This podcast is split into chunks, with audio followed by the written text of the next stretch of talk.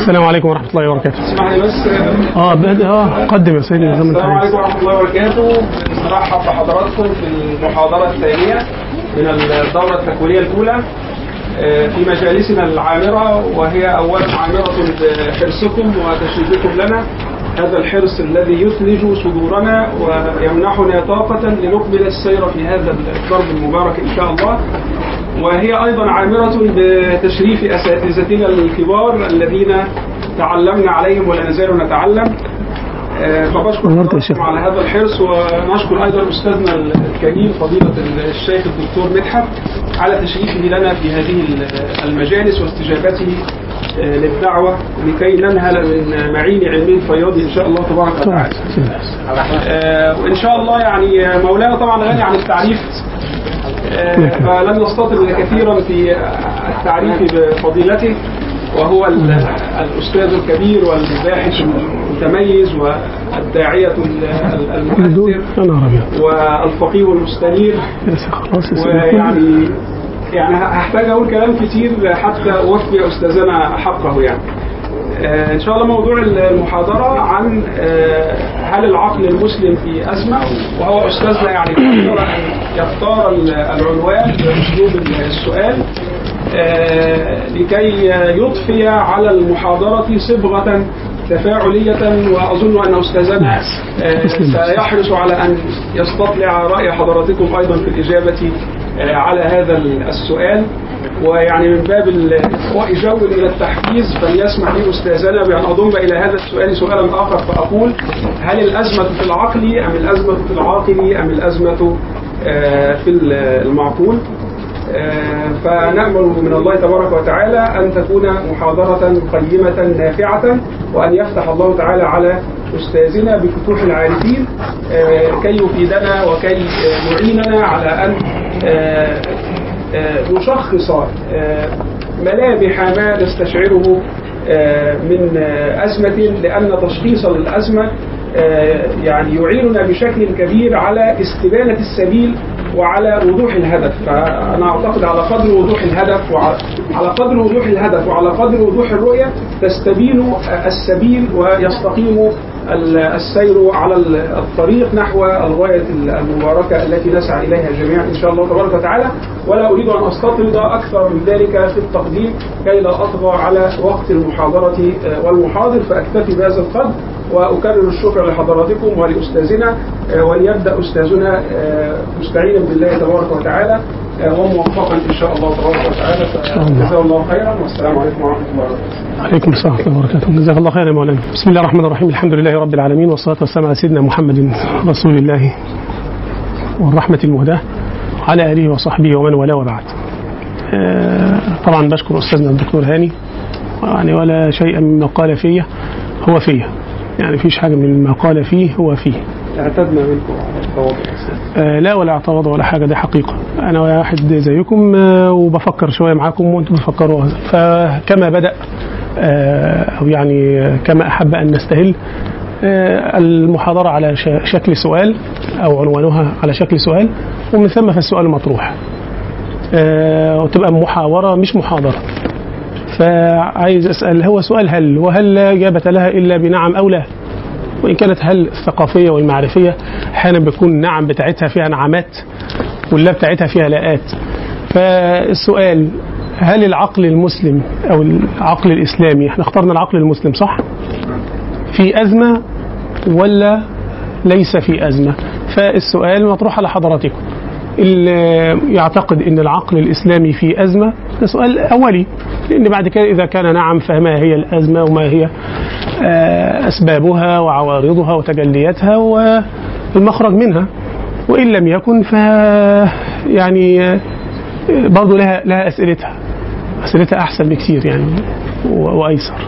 فالسؤال هل العقل المسلم في أزمة؟ السؤال يعني مطروح بين يدي آه، بين أيدي حضراتكم. وممكن بدون من بما إنه نعم أو لا من يقول نعم يرفع يده. كثير ما أعرفش الإجماع ولا لا. طيب من يقول لا يرفع يده؟ واحد اثنين. عبد الرحمن بتضحك عليا بتعمل كده؟ أنا رفعت طيب ثلاثة. وسلمى. آه، حضرتك اسمك؟ محمد. طيب ابدأ يا محمد. أنت بتقول إن العقل المسلم ليس في أزمة. ها. اللي بيقولوا العقل الاسلامي هو ما بينظرش لواحد عقل إسلامي. بيقولوا ان واحد عنده خلل في فكرة فهم الإسلام. نعم. آه، عنده خلل. في فهم فلسفة الإسلام.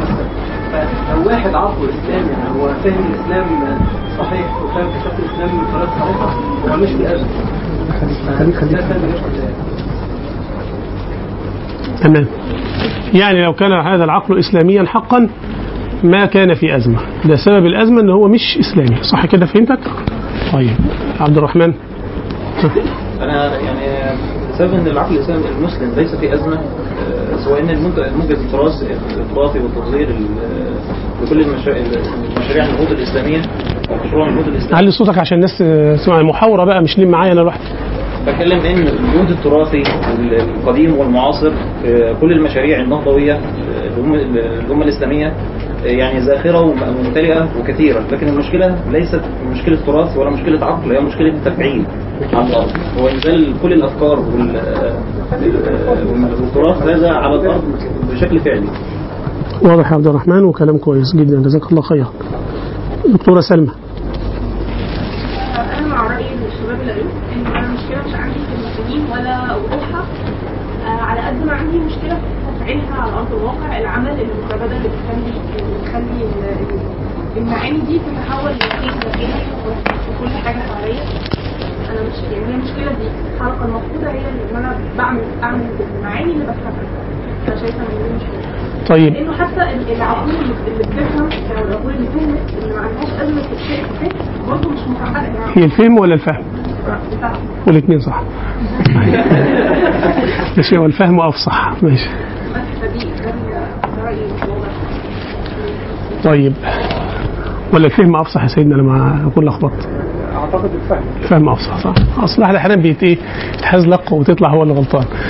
طيب جزاك الله خير يا دكتوره طيب حضرتك كنت عايز تعلق على كلامه. عاوز اضيف للعقل المسلم. تضيف. العقل المسلم اسمك الأول؟ محمود خالد. محمود. العقل المسلم ليس فيه أزمة لكن علي صوتك. أنا أقول العقل المسلم الحقيقي ليس فيه أزمة العقل المسلم. لكن نقول هل ال- العاقل المسلم هو اللي ممكن يكون عنده أزمة حاليا؟ يعني مم. إيه الفرق بين العقل والعاقل عشان تجاوب لي على سؤال الدكتور لما قال هل الأزمة في العقل أم في العقل أم في المعقول؟ أيوه العقل المسلم يعني مثلا الصحابة رضي الله عنهم هم عندهم عقول عقل مسلم. كل نعم. صحابي على حدة عقل مسلم. نعم. هل كان عنده أزمة؟ يقول لا يعني ما عندوش أزمة لكن مين بقى العاقل المسلم؟ هو الصحابي طب مين العقل المسلم؟ ما العقل المسلم هو لما الفكر اللي في في في عقل الصحابي رضي الله عنهم ومين العاقل؟ العاقل آه، سواء بقى كان الصحابي في زمنه هو عاقل وسواء في زمننا نحن نحن يعني. تقصد إن الإشكال في العاقل المسلم المعاصر. نعم. مش العاقل المسلم الايه السلف. آه، وليس العقل المسلم. طيب. اتفضل. اسمك؟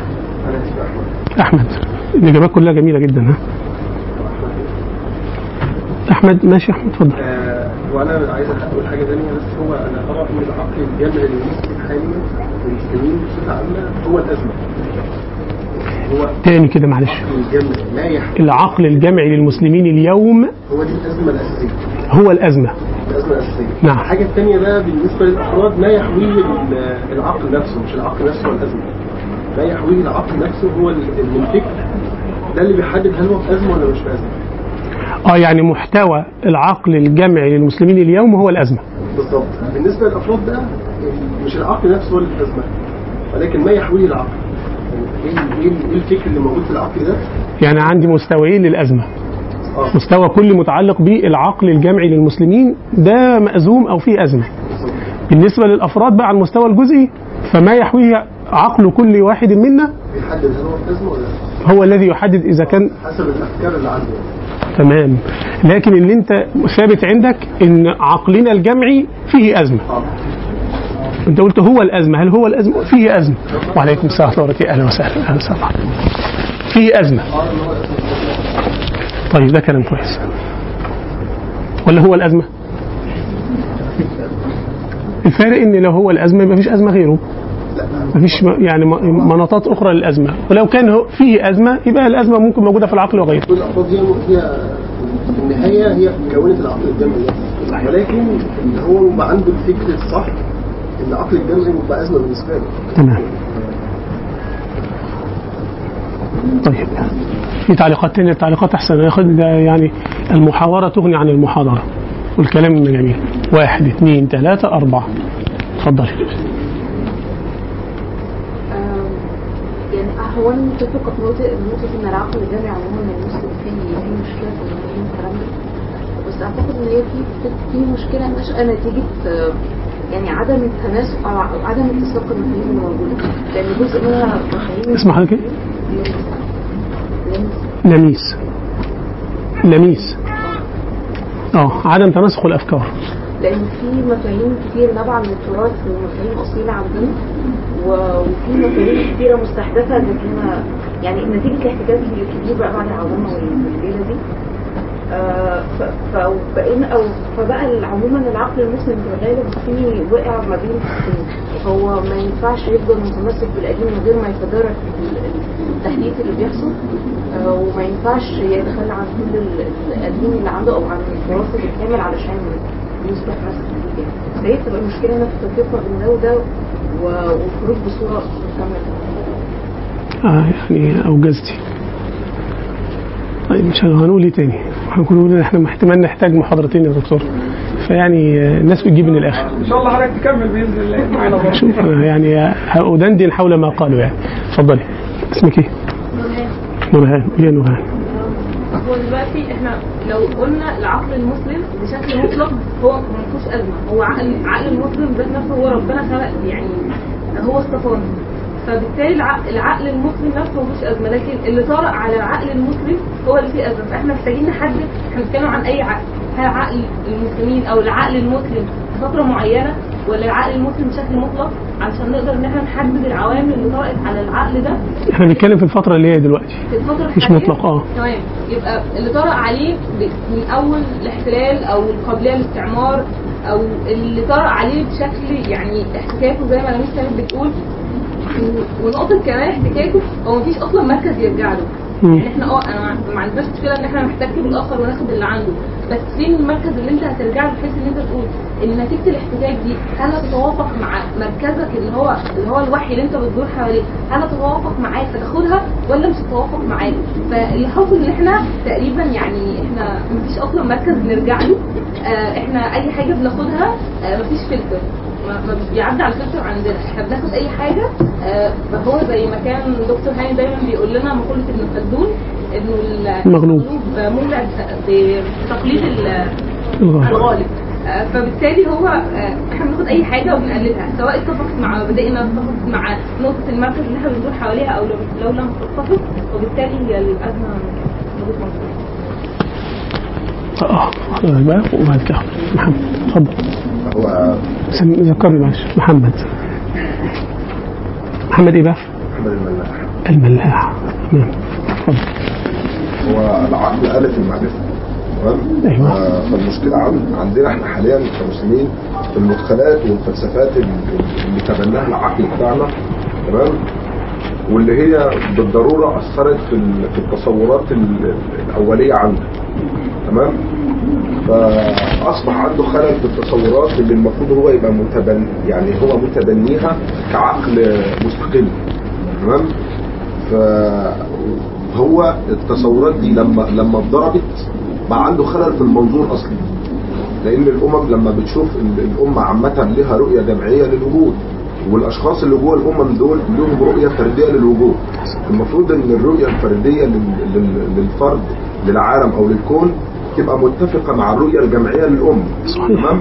إحنا عندنا هنا مشكلة بقى مش عارفين هو يعني أصبح الناس عندهم فكرة الخلط بين الأصل والفرع. هو طب المفروض هما الاثنين يتسموا. طب إيه أصلا الأصل وايه, وإيه أصلا الفرع؟ هو ما يعرفش. هو ال- ال- العقل أصبح عنده خلل في, في, في, في النقطة دي. تمام؟ فتبنى تصور غربي ادخل إليه عن بشكل منمق آه، وخلينا أقول إن هو دلس. يعني هو هو دلس له أو دلس له ال- التصور الإسلامي اللي المفروض هو كعقل مجرد يتبناه تمام؟ في شكل إسلامي. فأشكل عليه الأمر. فأصبح كل شيء عنده آه، مستورد. فأصبح بقى ما عادش حد عنده فكرة إن في حاجة حق مطلق أو حق مقيد. لا كل حاجة عنده أصبحت نسبية وأصبحت الناس تتحكم في, في, في تصوراتها من خلالها نفسها. مش عايزة تلجأ إلى فكرة إن في مرجح خارجي اللي هو الدين أو التصور العام للامه الإسلامية نفسها هو اللي يحكم تصور الفرد. لا أصبح الفرد هو اللي عايز يحكم التصور العام. فده في خلل. لأن المفروض المرجح الخارجي اللي هو نور السماء اللي هو ربنا اللي انزله هو اللي هو اللي هو اللي يرجح ما بيننا كبشر عموما. هو اللي يرجح ما بيننا كمسلمين خصوصا. كلام مليح يا ملاح. طيب. آخر حد بقى محمد التواب؟ بحار برضه. آه لا فعلا. أيوه صحيح. أنا عندي سؤال ده ما تسألش. الآن وقت الإجابة. طيب قول قول ماشي. أنا اللي عامل دوشه دي؟ هل الموقع بالنسبة لي إحنا بنتكلم فيه. بعدين لما مولانا بدأ قسم العقل والعقل والمعقول فبقى عندي مشكلة هنا في العقل أنا كنت هسقطه على واحد من الاثنين. يا عم اختار اللي انت عايزه دلوقتي. قول. بس إحنا الناس لما اتكلمت دلوقتي عن العقل المسلم المقصود بيه مين؟ في الموت. مم. ده التعليق. يعني متفق مع الباشمهندس عبد الرحمن والباشمهندس سلمى في الجزء إن إحنا عندنا مشكلة أزمة في التنزيل. ده جميل جدا. بس هل الأزمة في التنزيل دي السبب فيها إيه؟ هو ده اللي أنا بعلق اولا عندنا ازمه في التنزيل من ناحية العقل ومن ناحية المعقول. المعقول هو الأساس النظري عندنا موجود وجميل وكل حاجة وعندنا مشروعات بدل واحد اثنين ثلاثة 10 المشكلة إن كل المشروعات دي آه، إما آه، لن تستخدم أو لم يعني حد يستخدمها ده أو ده معظمها أو مثلا حد حاول يستخدمها أو استخدمها خطأ ده عدد قليل أو مشروعات أصلا ما فيش حد حد قدر يتكلم إزاي ممكن ده ينزل على على ارض الواقع. فدي تاثير فهنا في مشكلة في المعقول إن هو قدم أساس نظري بدون تقديم حلول إزاي يمكن تنفيذ ده. ولو حتى على فترة ما من الفترات يعني لو هو مش قادر ينزله في وقته ممكن ينزله فين تاني؟ أو حد بعده جاي يشوف هينزل ده إزاي. فدي مشكلة.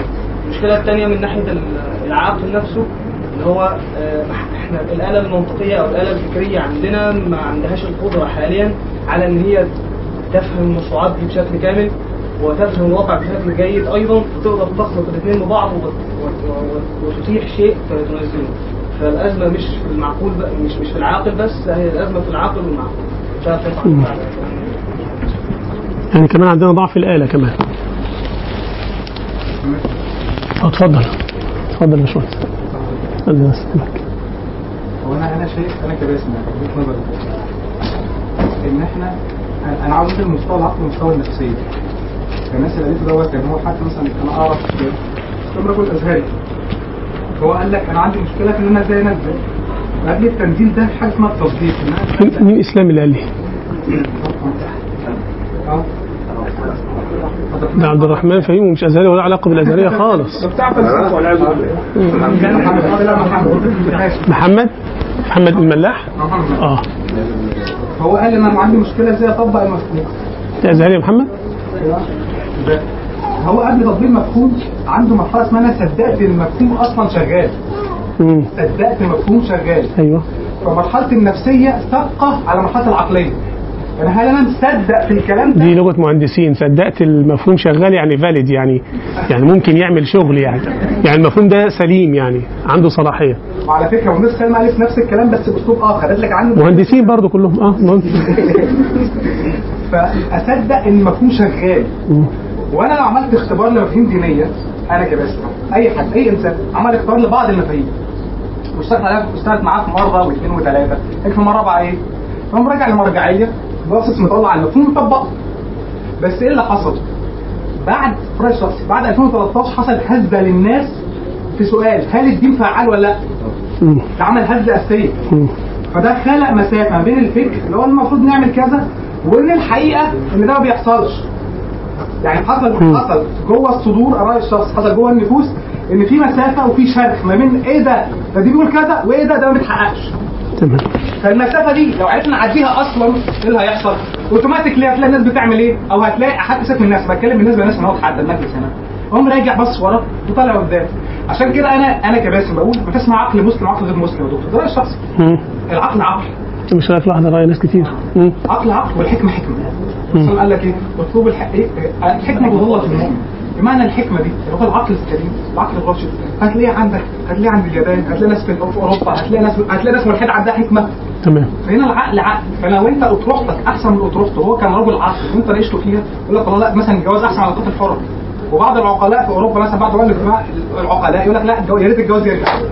العلاقات الحره خربت المجتمع. العقلاء ولا الحكماء؟ ال- الحكماء. العقل والحكمة. يعني طيب. الحكماء. بس فالقصد بقى في الآخر هو أنا رايي الشخصي إن إذا تم تجربة مفاهيم دينية وأثبتت فعاليها مرة طول مرة طول الاخرى طول الاخرى طول, طول الأخرى وحصل قناعة النفس إن الدين ده بيشتغل بيطلع نتائج أحسن حتى من النظريات الغربية هيحصل طول ان الطريق قدامه هيترصف ويبتدي يبني عليه يعني طوبة فوق طوبه طوبة فوق طوبة لغاية ما الآخر. مشكلة في المجربين نفسهم. يعني العمل يسبق الفكر يعني؟ هو أول أعمار الشخص إن في إيمان بينتج إن أنت جربته واشتغل. يعني ده مش إيمان إن هو إيه إن النص موجود إن أنت جربته واشتغل. اثنين إن طلع إن اشتغل دي طلعت أحسن حتى من الاطروحه الغربيه. يعني في الآخر مثلا مثلا مشاكل الشباب هنا. واحدة مشكلة مثلا فكرة الجواز. أنت لو سألت أي شاب شاب مثلا تقول له بجد بجد بجد العلاقات الحرة حلال وال- والجواز حلال أيهما أحسن؟ هو طبعا العلاقات الحره ليه؟ أنا بطلع في علاقة ماليش فيها التزام عشان مصاريف كذا كذا كذا. فالاطروحه الغربية بقى لها إيه؟ جاذبيتها. الاطروحه الإسلامية تيجي تقارنها بالاطروحه الغربية لا هي ليها ثباتيتها. ثابتة على المدى البعيد. بس واحد هي قابله للتحقق ولا لا؟ ده بيرجعنا في السايكل الأولانية. لا واضح إن الغرب عنده شيء موجود فعال بس الجزء الإسلامي مش شغال وهكذا. تفضل تفضل. والكلام ده برضه بالنسبة للعمل. حاجة أخيرة يا دكتور؟ حاجة أخيرة؟ أخيرة. على رايي الشخصي مثلا. لما حد بيسافر أوروبا مثلا ألمانيا بريطانيا بيرجع لا نفسي اعيش هناك. هل حد قال إنه يقعد؟ يعني هل في حد مثلا الماني قال له والنبي تقعد معانا ونسنا؟ لا هو راح شاف الناس نظيفة والطريق نظيف ولا الناس بتاكل كويس وبتاع ومحدش زعل هو إيه اللي حصل؟ لما شاف الحاجة فعاله قال لك إيه؟ يا ريتني كنت هناك.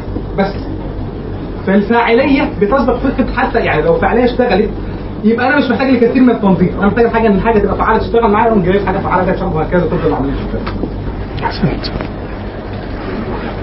ما نقولش أي حاجة كده طب إحنا هنصلي الأول ولا ولا بت؟ ترتيبك إيه يا دكتور؟ هو اذا كده آه أيوة. ممكن أول ما يأذن ناخد بس استراحة خمس دقائق نصلي أنا أفضل يعني لو لو جدا دلوقتي يبقى نصلي عشان حضرتك إيه تبدأ بقى بعد طيب في حد عايز يتكلم تاني؟ نحصرهم وايه ونوقفها بقى يعني إيه؟ ثلاثة واتكلموا قبل كده. طيب دكتورة سلمى والملاح ومحمد عبد اتفضلي. بس عندي تعليق هو أو استفسار يعني بطرحه هو المفاهيم الإسلامية. آه، الأول أحسنت يا باشمهندس كلام مهم جدا. هو تعليق على الكلام. هل المفاهيم هو استفسار يعني جاب به. هل المفاهيم الإسلامية هل هي حاجة أنا احطها أو أجربها لو نفعت نفعت ما نفعتش ما نفعتش. يعني مثلا حاجة زي إيه؟ بداية الإسلام خالص الناس امنت واسلمت بقى يعني حاجة بسيطة جدا عقيدة جديدة أنا هؤمن بيها وهسلم بيها وأشوف هتنفع معايا ولا لأ. الناس تعذبت وحصل فيه مشاكل كتير في بداية الدعوة الإسلامية في مكة وناس بتموت وقتال بشع وحاجات مواصفات لأ ده كده مش نافع أنا خدت ده وحطيته. هو مش علم تجريبي أنا مش صغيره مش مختبر يعني. فهو هل ده هينفع في كل حاجة ولا مش هينفع؟ أنا بس اختار وصل السؤال. محمد. إن إحنا كجيل آه، ما بعد الاستعمار ما شفناش الإسلام جامد مرة. إحنا يعني عندنا تصور يعني عن الإسلام مقطوع. تاني تاني الكلام الأول عشان حسيت بعد كنت غلط. الاستعمار الناس اللي عاشت مثلا قبل الاستعمار وبعد الاستعمار. قبل الاستعمار كان عندهم فعلا يقين إن إن ده ده الصح وإن هو شغال وفعال وبيواجه أزمات وهو منظور قوي. وكل ال- ال- الاطروحات اللي بتطرح ضده هو بيقدر يصدها ويتحملها لإنه أقوى. تمام؟ إحنا كجيل طلع بعد الاستعمار عندنا فكر مفتور عن الإسلام. إيه، مش شايفين الإسلام ده ما شفناهوش مرة في في في موضع قوة. تمام؟ أو أو متطبق صح. أو دخل في حاجة وصارت بوجه أمثل. فبقى عندنا يعني يعني إحنا حاليا بتروح خطوة إن هو صح عشان ربنا وبترجع خطوة عشان هو مش عارف تطبقه فيبقى في مشكلة. خلاص المحاضرة خلصت والله. والله قالوا كلام أحسن من اللي أنا كنت بفكر أقوله. بصدق يعني.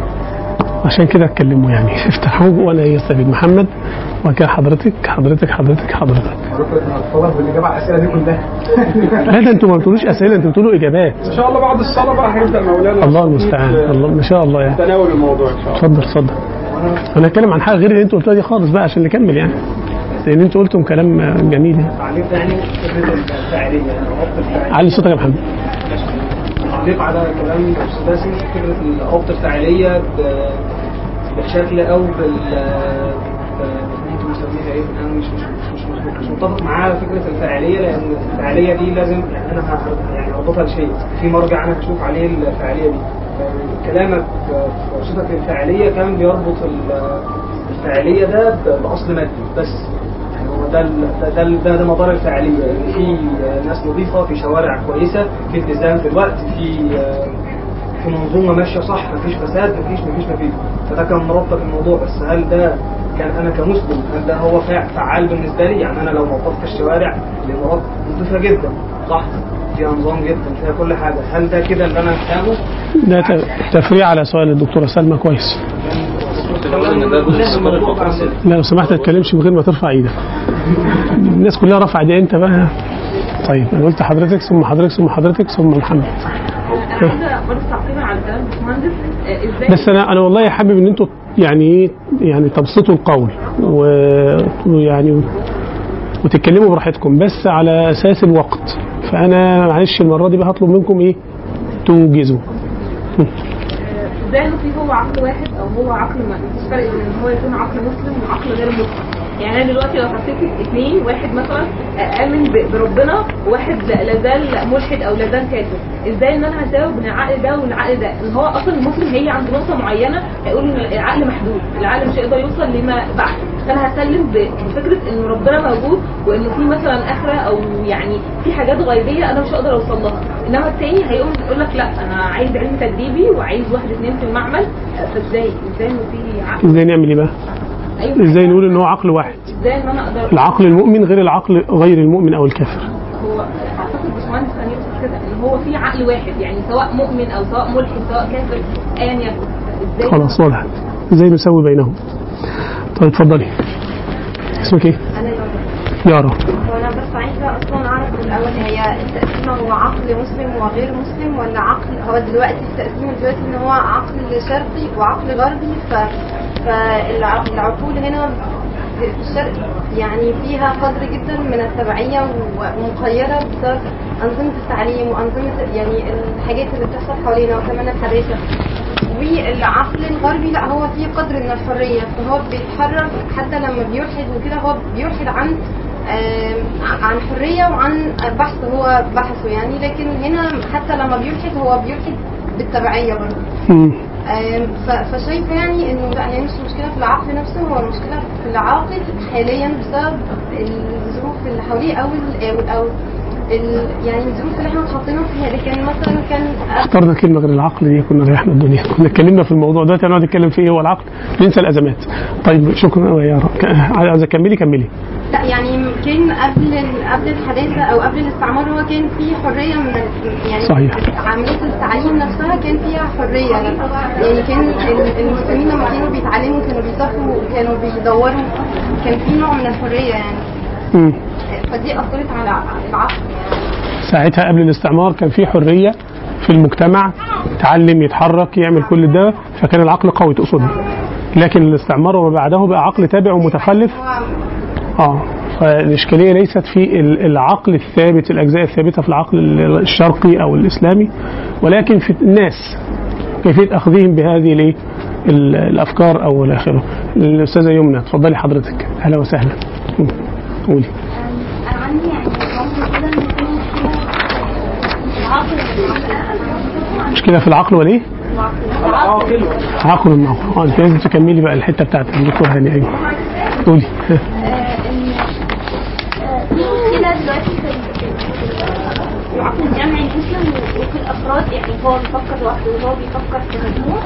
آه، في إيمان؟ استني هقطعك يا يمنى. أنا أنا مستبشر جدا يعني يعني أنا بقرأ. يعني قارئ مش مش شاطر بس بقرأ يعني قارئ متوسط. ف اللي بسمعه دلوقتي أنا بشايف إنه مبشر يعني. ال- الكلام مستوى التفكير مستوى النقاش آه، يعني مش عايز أقول لكم ما كنتش متوقعه. يعني في قراءة الأزمة من خلال ال- يعني ال- العقود السابقة وما آلت إليه ما تسمى بالأزمة اللي هنتكلم عنها يعني كانت آه، مش بالوضوح ده وما كانتش الحمد لله هذه الدرجة من الثبات والدرجة من الاقتراب من التشخيص والاقتراب من ال- والتالي من المخارج ال- الحلول. آه، ويمكن ده لما نعرض الأزمة نبين إن هي كانت عفشة قوي لكن دلوقتي بتعرض بشكل منور شوية. فيعني جزاكم الله خيرا. أنا بعد ما كنت عمال اتازم بقالي فترة عمال أقرأ عشان الموضوع كمان. حل لك الأزمة دكتور. فأنتوا حلتوا الأزمة. بشرتموني بحل الأزمة وإن يعني إيه الأزمة أصبحت إيه جزء كبير جدا منها من الماضي. معلش قطعتك يا ابني اتفضل. أم، ال- يعني وكأن عنوان المشكلة الأساسي هو الدراسة الثابت والمتغير. من المعقول آه، والقدر الثابت أو الأصيل اللي بتتحرك بيه النفس أو اللي بيتحرك اللي بيتحرك بيه العقل. يعني لا اشرحي لي انت يعني بعد ما استبشرت هتزعليني ليه؟ يعني إدراك الثابت والمتغير من المعقول يعني إيه؟ مش فاهم. تقولي كلام زي بتوع الناس الثانية اللي أنا كنت عمال اقرا لها دي من الثابت والمتغير من المعقول يعني إيه؟ الثابت والمتغير. كأن المعقول هو الدين والواقع. منقول تقصد ولا المع... المعقول؟ آه، هو هو بيعمل فيه العقل عشان ينزله تمام. الواقع.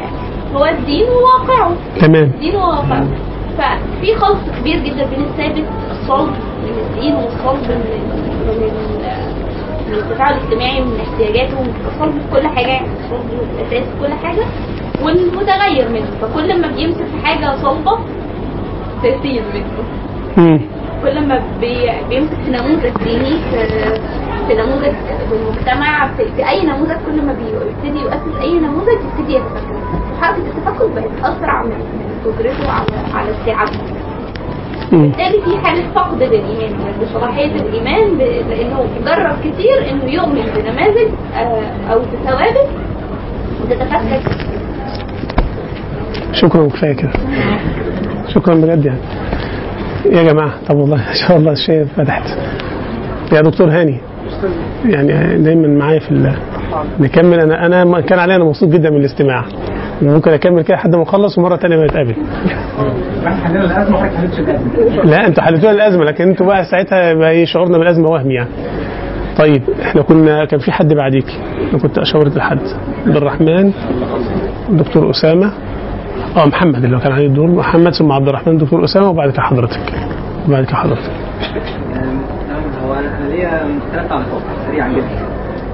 أول حاجة فكرة آه، اللي هو العقل هنا المسلمين آه، لا مش بس العقل عند اليابان شبه أمريكا لا إحنا أصلا عقلنا إحنا نختلف حتى يعني أبسط مثال نختلف في المبادئ زي مبدأ مثلا زي مبدأ العدل إحنا نرى أن ال- القاتل يقتل نعم. هو قصاص ده مبدأ مبدأ العقل ال- العدل هم ما بيروش النقطة دي مثلا فده ده, ضرب مثال إن إحنا أصلا نختلف ده كمثل يعني بضرب بمثل ان إحنا أصلا نختلف في المبدأ نفسه إن إحنا آه، في تصورنا للمبادئ نفسها نختلف عنهم آه، دي أول نقطة.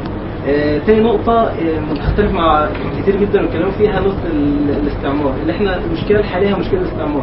وكأننا كنا قبل الاستعمار كنا خلاص العالم أصبح أقرب أصبح يعني أغلبية المسلمين مثلا أكن إحنا رايحين للجون ورايحين انفراد.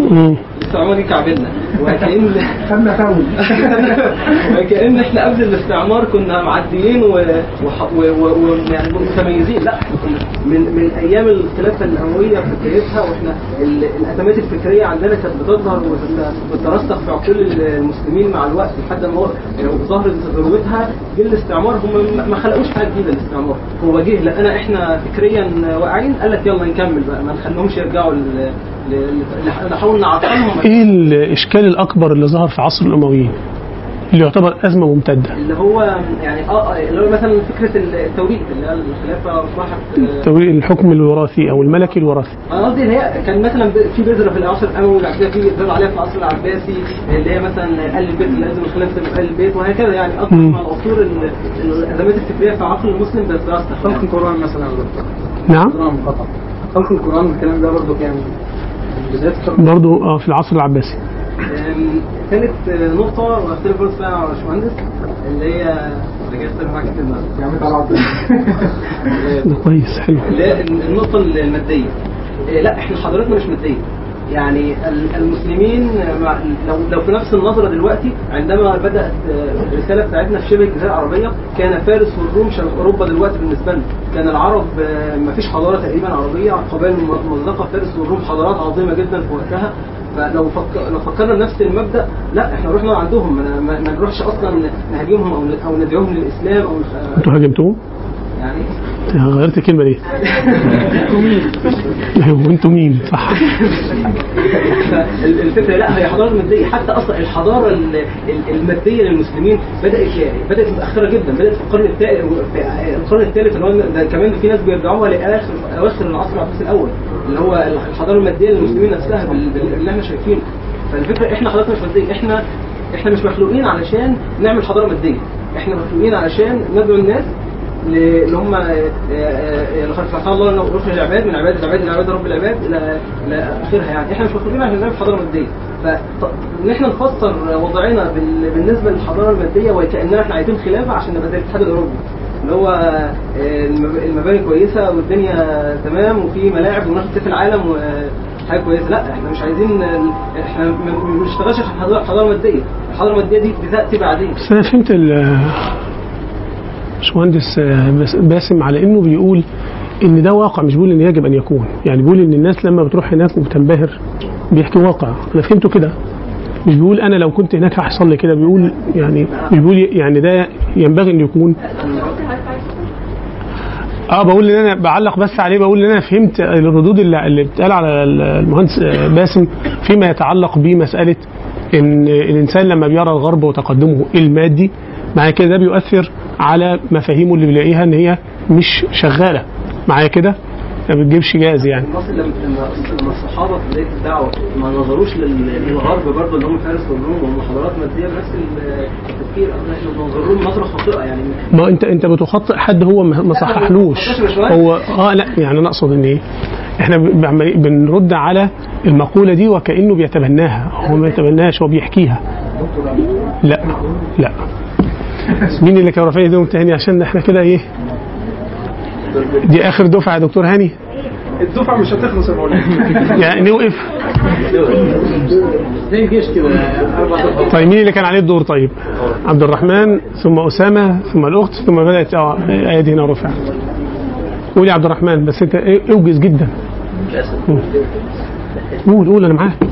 طيب يعني آه، إحنا دخلنا في السياق ان إحنا بنتكلم عن أزمة العقل المسلم دون إن نتطرق يعني إيه فكرة الأزمة؟ فكرة الأزمة أو الأزمة أنت بتكمل بقى هنا. الناس إيه اختلفت على اي أي معنى للعقل؟ أي معنى للعقل؟ واختلفت على أي معنى للإسلامي والمسلم وبنسمى إيه معنى العقل المسلم. أنت دلوقتي بتقول إيه المقصود بالأزمة؟ مم. فأنا بك... يعني لغويا إذا كانت الأزمة هي مفهومها هي الدقة والش... والشدة على الشيء نفسه. الدقة ولا الضيق؟ الضيق أيوه. معلش الضيق والشدة يعني. فإذا كان بنتكلم إن ال- العقل المسلم أو العاقل المسلم أو المعقول المسلم المعقول ال- الإسلامي في مشكلة أو في أزمة أو في ضيق يبقى المشكلة مش فيه هو بناء على أساس إيه؟ التراث اللي إحنا بنقرأه وبنتناوله مش مشكلتنا فيه, فيه هو. مشكلتنا إن إحنا مش مدركين إن في فعلا تراث تم إنجازه بيقدم حلول وطروحات. وأنا هدي مثال على ذلك يعني. يعني عندنا رئيس الاتحاد العلماء المسلمين هناك في تركيا الدكتور داغي كان مطلع بيتكلم في في, في إحدى اللقاءات إن عنده حاجة اسمها الثلاثية العمرية للنهوض الاجتماعي بالم- بالمجتمع اقتصاديا أظن حضرتك على اطلاع عليها أو لا ولا شفتها. طب ماشي ممكن ولا سمعت حضرتك عنها. المقال يعني. الدكتور علي القرى هداغي آه. بيتكلم على إنه عنده ثلاثية عمرية بياخدها النموذج يعني است- استقرأوه من الفترة بتاعت عمر بن عبد العزيز في النهوض اقتصاديا بالمجتمع مم. فإيه اللي طلع بتاعنا عليها؟ هي حاجة موجودة ومدروسة وتم تطبيقها وفي سياق تطبيق لها في ماليزيا وتركيا وهو اتكلم نفسه في الجزء ده بس في حين إن إحنا ما عندناش معرفه بيها. وده يدل على إن المشكلة مش مشكلة إن إحنا عندنا أزمة أزمة في التصور ولا أزمة في ال- في العقل المسلم بقدر ما إن إحنا عندنا أزمة في الفكر الشخصي أو البناء الفكري الشخصي للأفراد على اطلاعهم وطلعتهم لما تم إنجازه من تراث سواء كان معاصر أو آه، قديم. دي نقطة. النقطة الثانية هتلاقي إن إحنا عندنا أزمة يعني أنت كده بتزكي مجالس التكوين اللي عملها الدكتور هاني. طيب خلاص. الجزء الثاني عندنا هم- ده هيضيف لنا أزمة التطبيق اللي إحنا كنا بنتكلم عليها أو التفعيل إن أنا أنزل الشيء ده على مج- مجراه الأرض. فده هيحل لي مجموعة مشاكل أخرى هي مشكلة الجماعة المتحركة المحركة المغيرة التي تتحرك في المجتمع وتمتلك أدوات التغيير اللي هتحدث من خلال التصورات دي الموجودة أو ما تم إنجازه من تراث في المجتمع أو في على سياق الدولة أو على سياق المجتمع. ففي في الحالة دي مشكلتي معاها مع الجماعة المحركة آه، المتحركة والمغيرة في عدم قدرتها على امتلاك أدوات التغيير وفهم السنن الكونية والاجتماعية. يعني وعي الفرد وسعي الجماعة. بالظبط مولانا ممكن بس أقول حاجة ها نصلي. هو إذا انتصف الوقت يتصرف إليه القلق بصراحة. يعني هو انتصف. يا دوبك هنصلي المغرب ويتبقى لنا ساعة أو أقل قليلا فاقترح يعني يعني نوقف المداخلات عند هذا الحد ونصلي. أيوه. ونستمع إلى حضرتك. وإن شاء الله نفتح مجال النقاش مرة أخرى ممكن مثلا في آخر ربع ساعة أو حاجة. وتبقى الأولوية للناس اللي ما اتكلمتش قبل كده. لو حضرتك الأول. لا أنا أنا قابل بس هسمع آخر نقطة عند عبد الرحمن ماشي. عشان الخصوة اتفضل. في الجزء مثلا هنتكلم فيه الباشمهندس في حتة إن في أوروبا فيها الجو المعيشي ممتاز جدا وبيدعو للشخص تلقائيا بالبقاء هناك. إحنا مشكلتنا ان إحنا بننظر للأشياء أو ما يتم إنجازه في الغير بما يسمى الحضارة على الشق بتاعها المدني مش مش الشق الثقافي اللي إحنا مشكلتنا الأساسي معاهم في الشق الثقافي مش في الشق المدني. فاحنا ده بيحلنا للسؤال برضو نفسه في بتاع هل إحنا بن- بننظر للحضاره نفس النظرة إن مش جزء من مقاصد المعيشة؟ هل المعيشة مش جزء من مقاصد مقاصد الشريعة؟ مش من حق الناس إنها تعيش في مكان نظيف مش من حقها إنها تعيش في آه، حياة كريمة؟ لا ده جزء من مقاصد الدين نفسه اللي بي- بيكفل للفرد والمرء إنه يعيش حياة كريمة ومن أجزاء منها جزء منها الحرية اللي هتلاقي بسبب مشكلة أو أزمة ما حدث بعد آه، 2013 مشكلة كبيرة في جزء خاص مشكلة الحرية. مش مشكلة حتى المعيشة كمان. جزاك الله خيرا. قوموا إلى صلاتكم يرحمكم الله. ونلتقي بعدها إن شاء الله. بسم الله الرحمن الرحيم. الحمد لله رب العالمين والصلاة والسلام على خاتم النبيين ورحمة الله العالمين. سيدنا محمد وعلى آله وصحبه. وبعد. جزاكم الله خيرا. أنا استفدت كتير جدا بمعنى الكلمة. وأكثر حاجة استفدتها استفادة معنوية. زي ما قلت لكم أنا استبشرت بمستوى الإجابات والإيه والاشتباك مع سؤال هل العقل المسلم في أزمة؟ في اشتباك علمي بيحلل المفاهيم يعني إيه عقل ويعني إيه مسلم ويعني إيه برضه كما يعني تفضل عبد الرحمن في الآخر يعني إيه أزمة كمان. والأزمة دي في العقل ولا في العقل ولا في المعقول كما طرح أستاذنا الدكتور هاني.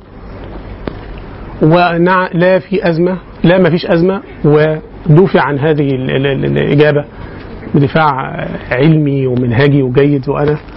يعني أعتقد ان أنا متفق معه بالمعنى الذي طرحه ال- الشباب في إجابته. طيب والبقية المفترض أنهم كانوا يقولوا نعم ولكن اشتبكوا مع اللي قالوا لا فما اتضحليش بقى إيه الفارق. يعني اللي كانوا قايلين لا المفروض إن هم كانوا اثنين أو ثلاثة صح كده؟ لكن أنا اخذت حوالي مثلا 10 12 مداخلة أو أكثر ربما المداخلات ما اتضحليش قوي. آه هي دول من بتوع آه ولا لأ؟ عشان كده قلت إن الآه وراها آهات واللا وراها إيه؟ لا يعني اللي هيقول لأ معايا كده هيقول لكن. وبالتالي هيتضح إنه يقصد لا بمعنى معين. وكذلك اللي يقول نعم غالبا بيقصد نعم و... و... يعني من منظور أو من زاوية معينة. إجابتي أنا عن الموضوع ده وبعد يعني ما أنتوا نورتوني كتير جدا هي آه ولا هل العقل المسلم في أزمة؟ نعم. العقل المسلم في أزمة؟ لا. العقل المسلم ليس في أزمة. طب ده عشان بتاع علوم سياسية بقى في اجابه دبلوماسية وكده؟ لا لا. هي السبب في ازدواج الإجابة هو ازدواج السياق. قضية أزمة العقل المسلم وسنقف أمام أيضا الكلمات عقل مسلم أزمة. قضية ليست قضية اليوم. هذا الطرح المتعلق بالمسلمين وأنهم في أزمة قديم. و أحيانا يعني بيصل إلى التصريحات عنه إلى نحو 200 سنة أو ما يقارب. آه، الجبرتي حسن العطار الناس اللي يعني عاشت الحملة الفرنسية آه، صرحت بأن بأن هناك أزمة في فجوة بيننا وبين هؤلاء. والناس اللي بدأت تطالع الغرب بدأت تشعر بهذه الفجوة من أمثال رفاعة الطهطاوي أو خير الدين التونسي. ويحاولوا إن هم يعني يجسروا أو يردموا هذه الفجوة بشكل من الأشكال. مطلع أو نهاية القرن 19 وبدايات القرن العشرين كانت قمة الضجيج. هناك أزمة ولا بد من حل. حتى صاغها ال- الأمير شكيب أرسلان في مقولته المشهورة لماذا إيه؟ أيوه. تقدم الغرب وتأخر الايه المسلمون لماذا تقدم الغرب وتأخر المسلمون؟ كان طرح هذا السؤال تقريبا سنة 1906 وست طالما قلنا سنه صح كده؟ نعم. الصوت؟ حاضر هعلي الصوت. وبدأت المناظرات حول طبيعة هذه الأزمة. بعض الغربيين بادر وقال المسلمون في أزمة في تخلف في تراجع في ضعف في انهزام تحت طائلة الاستعمار لسبب بسيط اسمه الإسلام الفيلسوف أو المفكر الإنجليزي إرنست آه، رينان صرح بهذا فرنسي آه، رينان.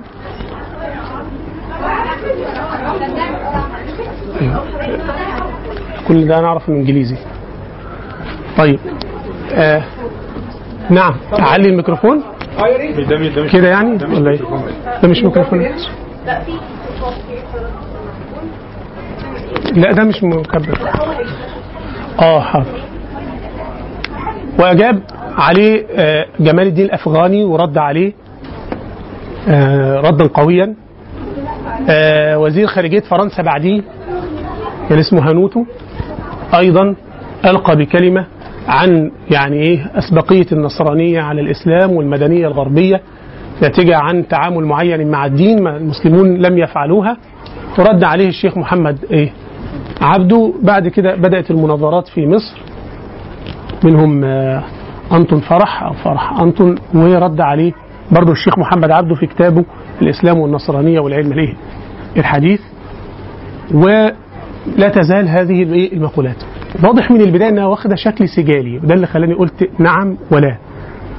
هناك إجابة كبيرة أجيبت عن أزمة المسلمين المعاصرة وهنختص منها ما يسمى بأزمة العقل. بس الأزمة الكلية للمسلمين كانت إجابة غربية تلتها إجابة متغربة. وكانت أعلى نفيرا أعلى ضجيجا وصوتا. وصدرت من من ناس بوئوا مكانا مخصوصا يعني كانوا في دوائر التأثير. عرفوا فيما بعد بالمثقفين والمفكرين. معايا كده؟ وسدنة العقل العربي أو الإسلامي أو المصري الحديث. بدأوا يقرروا أن هناك أزمة وهذه هي التي أقول لها لا توجد أزمة في هذا العقل بهذا المعنى. بينما غيرهم ممن تمسك بالثوابت وبذاتية وهوية هذه الأمة وبمرجعية الإسلام دينا وثقافة وبصلاحية الإسلام دينا وثقافة وحضارة لما كان وما هو كائن وما سيكون. هؤلاء أيضا أجابوا بنعم وهذه النعم أنا أتفق معه ولذلك أقول نعم هناك أزمة.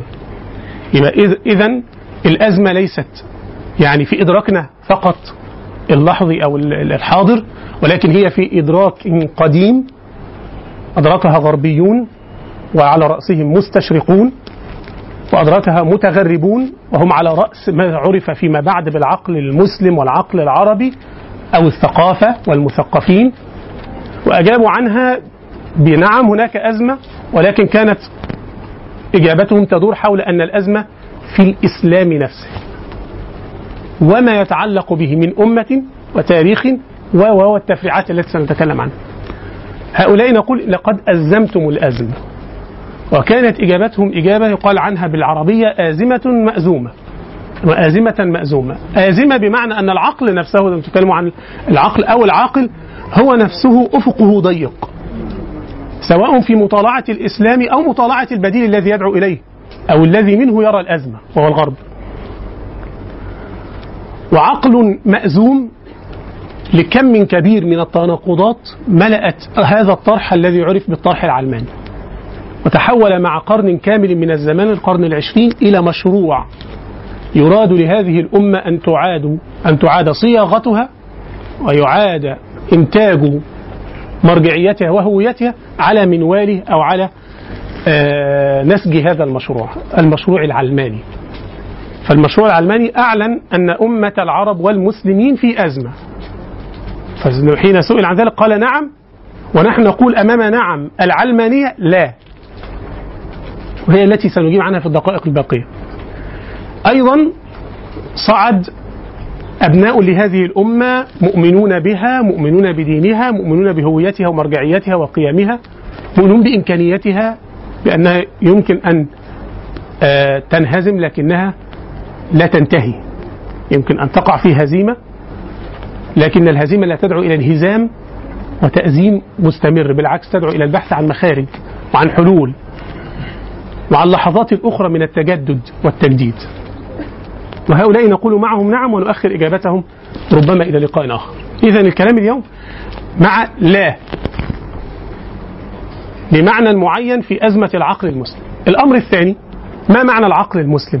هل هو العقل ال- الملكة القدرة كما طرح بع- بعضنا القدرة على الإدراك على الوعي بالواقع على الوعي بالإسلام نفسه أم هو الشخص نفسه والأشخاص نقصد بها الأفراد نقصد بها أم هو الأشياء المعقولة سواء الواقع أو الأفكار؟ باختصار العقل عندنا هو منهجية التفكير والأفكار المنتجة من هذه المنهجية. هذه الثنائية. يسمونها العقل المكون والعقل المكون. على تسمية أندريه لالاند صاحب المعجم الفلسفي الفرنسي. ودي اللي أخذها محمد عابد الجبري وبنى عليها مقولة تكوين العقل العربي وبنية العقل العربي والعقل السياسي العربي والعقل الأخلاقي العربي. مشروع عمله في أربعة كتب لتحليل وتفكيك ومراجعة العقل الإسلامي سماه العربي نظرا لقوميته العروبية رغم أنه هو أمازيغي بربري. لكن كان قوميا عربيا أصدق من القوميين العرب الآخرين يعني.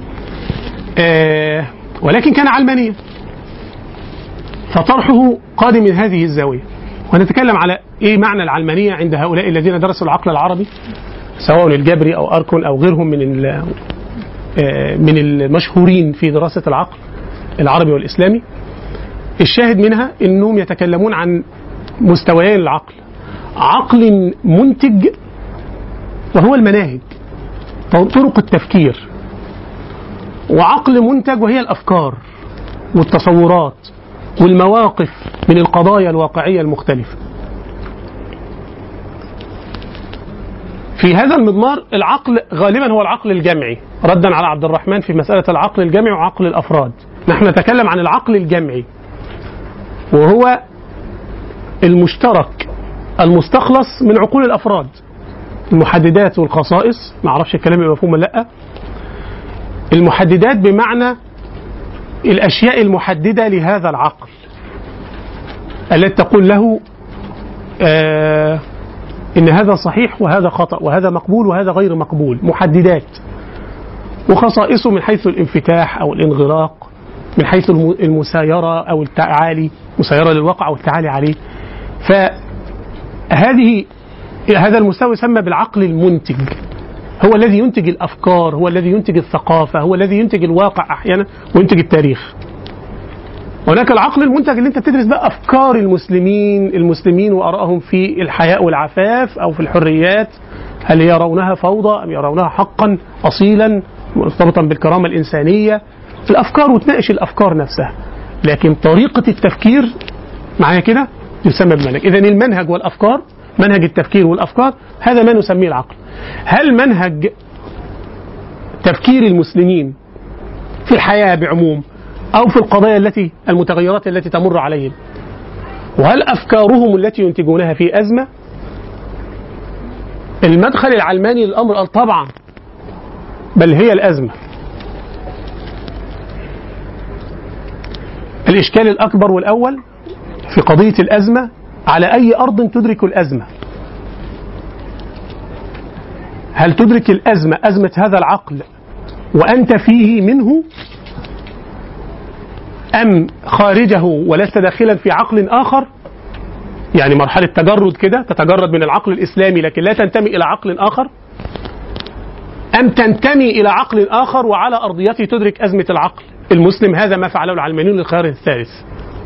لم يدركوا ولم يتعرفوا ولم يشخصوا ولم يصفوا الروشتات أو العلاج لما عرفوه بأزمة العقل المسلم الحديثة ومددوها إلى القديمة كما سنرى يعني حالا دلوقتي.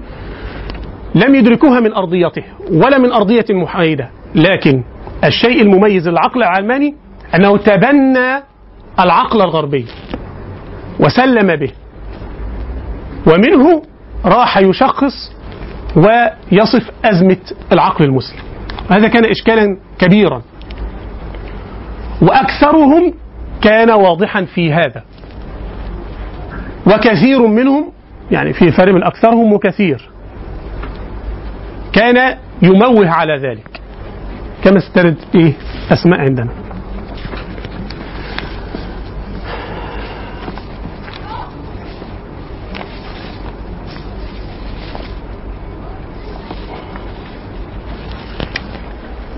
العقل العلماني هو بالأساس العقل الذي يرى أن هناك مشكلة في موضع الدين من الحياة. بداية منطلقه في رؤية الحياة والأشياء أن هناك إشكالية في موضع الدين من الحياة. وجوابه الأساسي والتأسيسي على هذه الإشكالية أن الدين لا يصلح أن يكون شاملا أو أن يكون كلا. لا بد أن يكون جزءا. فما هو الكل؟ الكل إما فكر آخر وإما الواقع. نفكك كده الفكر العلماني كيف يفكر؟ بما أن العقل لا يخلو من كليات وبما أن الدين يجب يجب ألا يكون كلا ولا كليا فما هو الكل البديل الذي سيحل محل الدين؟ إما فكر آخر وإما الواقع. وفي الفكر العلماني العربي والإسلامي أو في دائرة المسلمين كان الواقع ليس واقع المسلمين ولكن أيضا الواقع الغربي. وكان الفكر البديل هو الفكر الغربي.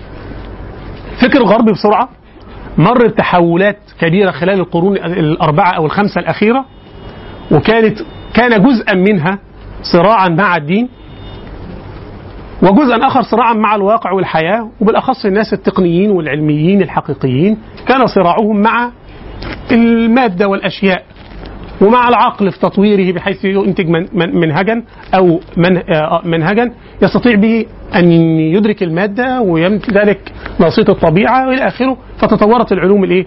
الطبيعية الفيزياء والكيمياء والعلوم الحيوية أو البيولوجي وكان العلماء المتخصصين في هذه المسألة لا يفلسفون المسائل لكن إلى جوارهم علماء حصل عندهم غير من هذا التقدم فبدأوا يجعلون هذا أساسا يمكن أن تعاد به بناء علوم الإنسان ومنها الأديان. ونتج عن ذلك أن بدأت كلمة العلم تأخذ المعنى الطبيعي التجريبي فقط كلمة الساينس. ونتج عنها أن كلمات مثل التقدم مثل الرخاء إلى آخره تأخذ المعنى المادي. وبدأت النظرة إلى الكون تبقى أكثر تقديسا. باعتباره يعني فتح على العقل البشري افاقا لم يكن يفتحها الدين أو الأفكار الفلسفية الأخرى. فالمادة أصبح لها اعتبار وأصبحت مصدرا للفكر بمعنى إن الفلسفة اللي نجمت عن تقدم الفيزياء وتقول بالانتظام في الكون وتقول بالسببية وتقول بالحتمية ورغم أن هذه فلسفيا لم تكن اشياء يعني مهضومة الحق أو يعني مهجورة لكن بدأت تأخذ بعدا استعلائيا يعني أنها ثبتت بشكل غير الذي كان يثبته الفلاسفة. أو أصحاب العقول أو أصحاب الأديان بين قوسين الكهنوت واصحاب اللاهوت. أصبحت كلمة الدين نفسها محل استفهام كبير جدا بناء على هذا الفكر المادي. كيف يثبت الدين؟ كيف يثبت الوحي وهو يتحدث عن عالم غير مادي؟ ومن ثم كانت كلمة كيف دي تتحول من استفهامية إلى استنكارية وإنكارية مع الوقت.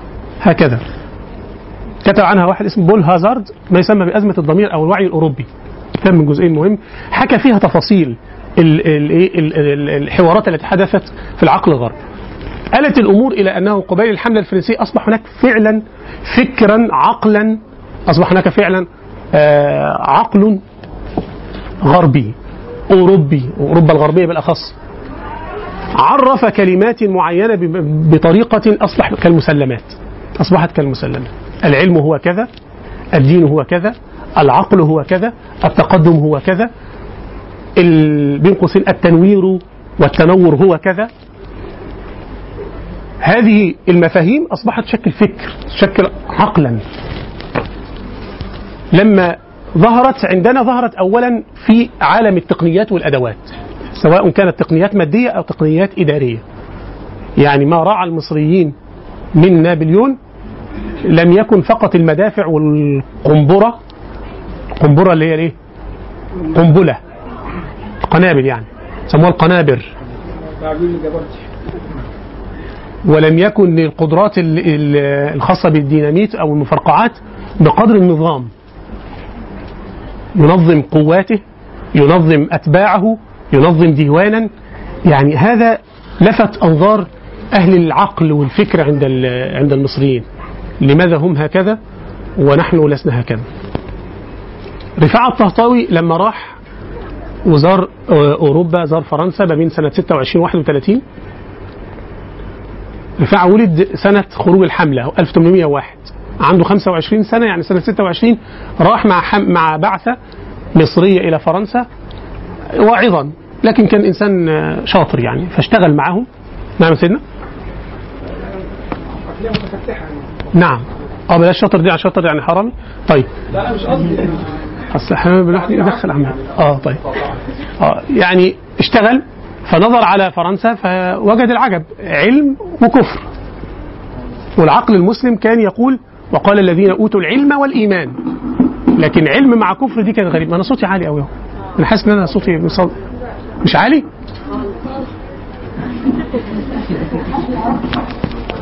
يعني ك... كان ولا مش عارف. كل ده مش عالي؟ أنا تعبت. طيب فألف البيتي الشعر ال- المشهورين عنه اللي هو أيوجد مثل باريس ديار شموس العلم فيها لا تغيب. أدي شموس العلم. وليل الكفر ليس له صباح. الاثنين متجمعين مع بعض. ليل بلا صباح وايه وشموس لا تغيب. أما هذا وحقيق وعجيب فده كان مصدر العجب. إن أوروبا بدأت تنتج حاجة. الاصوات الجميله لا مش أوروبا اللي بتنتج الحاجات الجميلة. دي منال الطحان. طيب. أهلا. حالة الانبهار أو التعجب ازدادت أكثر في نهاية القرن ال19 لما ورد في بلاد الإسلام من لا يعرفون كثيرا عن الإسلام. وبناء رفاعة كان يعرف وبالتالي رفاعة ما ضاعش. وخير الدين التونسي كان يتفقه. كان الوزير الأكبر وخد الصدارة ال- ال- العظمى في الدولة العثمانية لكن كان في وقت من الأوقات حاكما لتونس. وهو حاكم لتونس كتب كتابا مقدمته مهمة جدا في التعامل مع أوروبا وتقدمها وحالة تخلفنا ولكن من مدخل مقاصدي مالكي. مش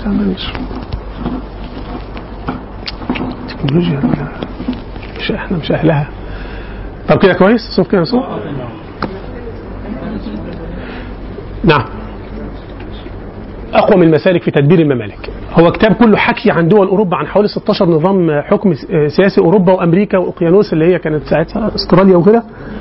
لكن آه، المقدمة بتاعته اللي حوالي 70 صفحة هي اللي كانت مهمة قوي في آه، آه، شرح فكرة كيف سنأخذ من الغرب ونحن نقف على أرض ثابتة.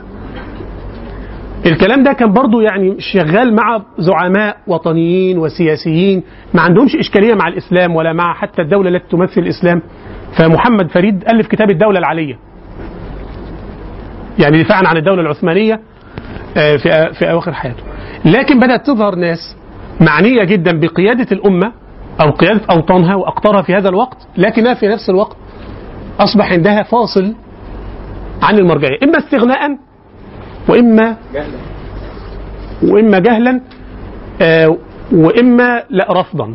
بس الذي الذي بدأ به هذا الفكر هو الاستغناء اولا.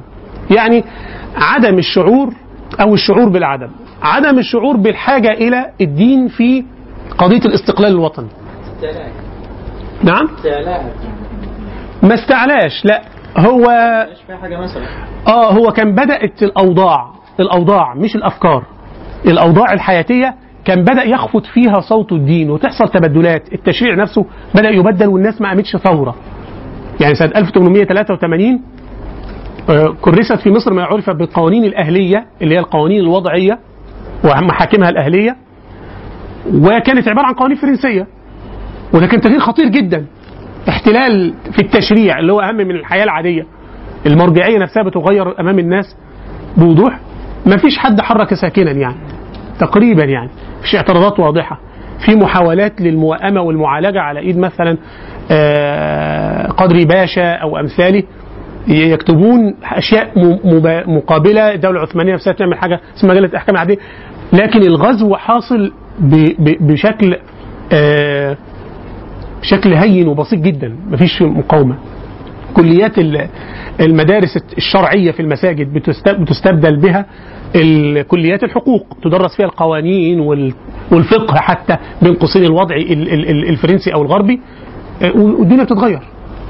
فلما جم الزعماء الوطنيين في مطلع القرن العشرين لحد مثلا ثورة 19 بقت تحصل عملية تحول وكأنها طبيعية. لا تجد مقاوما منبها بشكل واضح إلا قليلا يعني. آه عبد الرحمن الكواكبي مثلا وهو ينسب إلى طبعا كتاب الفكر الإسلامي. لما كتب كتابه المشهور اللي هو إيه؟ طبائع الاستبداد ومصارع الاستعباد جعل أول ملازم للاستبداد أو مستخدم في الاستبداد هو الدين. يعني هو تكلم عن الاستبداد والدين الاستبداد والعلم الاستبداد والأخلاق الاستبداد والترقي الاستبداد والمجد الاستبداد والمال. آه، في سبعة آه، عناصر بعد المقدمة. فكان أولهم الدين بس مش معناه إن هو ناقم على الدين ناقم على استخدام الدين. بالعكس هو كان منطلقه مش عايز أقول من الدين ولكن طبيعي مع الدين ما عندوش إشكالية مع الدين. مصطفى كامل لم تكن عنده إشكالية مع الإسلام. لكن بداية من ثورة 19 هتبدأ تنشأ بقى تبريرات لإزاحة الإسلام بوضوح مرجعية وإعادة النظر فيه هوية يرتبط عليها الناس على الأراضي الإسلامية. وهتبدا تظهر كلمات خافتة وإلى جوارها كلمات رنانة. من الكلمات الرنانة ما ردها طه حسين في منتصف العشرينات وقال إن يعني الدعوة إلى ارتباط الناس على أساس رابطة دينية في القرن العشرين سخافة.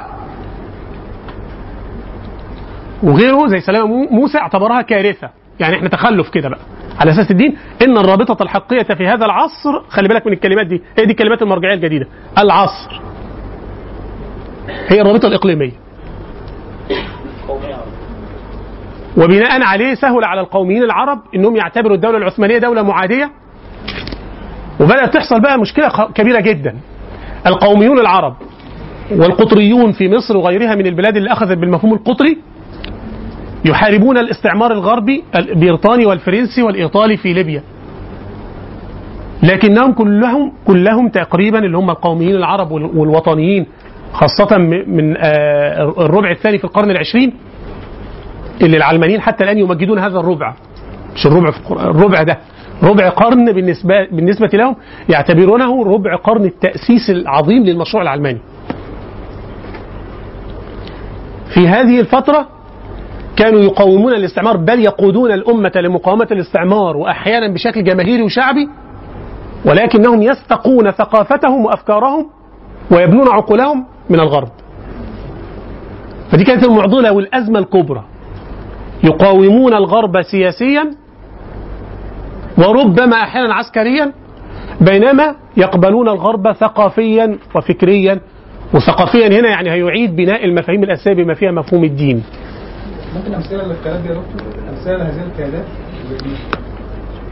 مين في مصر؟ يعني حزب الوفد معروف إن هو كان الحزب الشعبي الأكبر ذي الجماهيرية.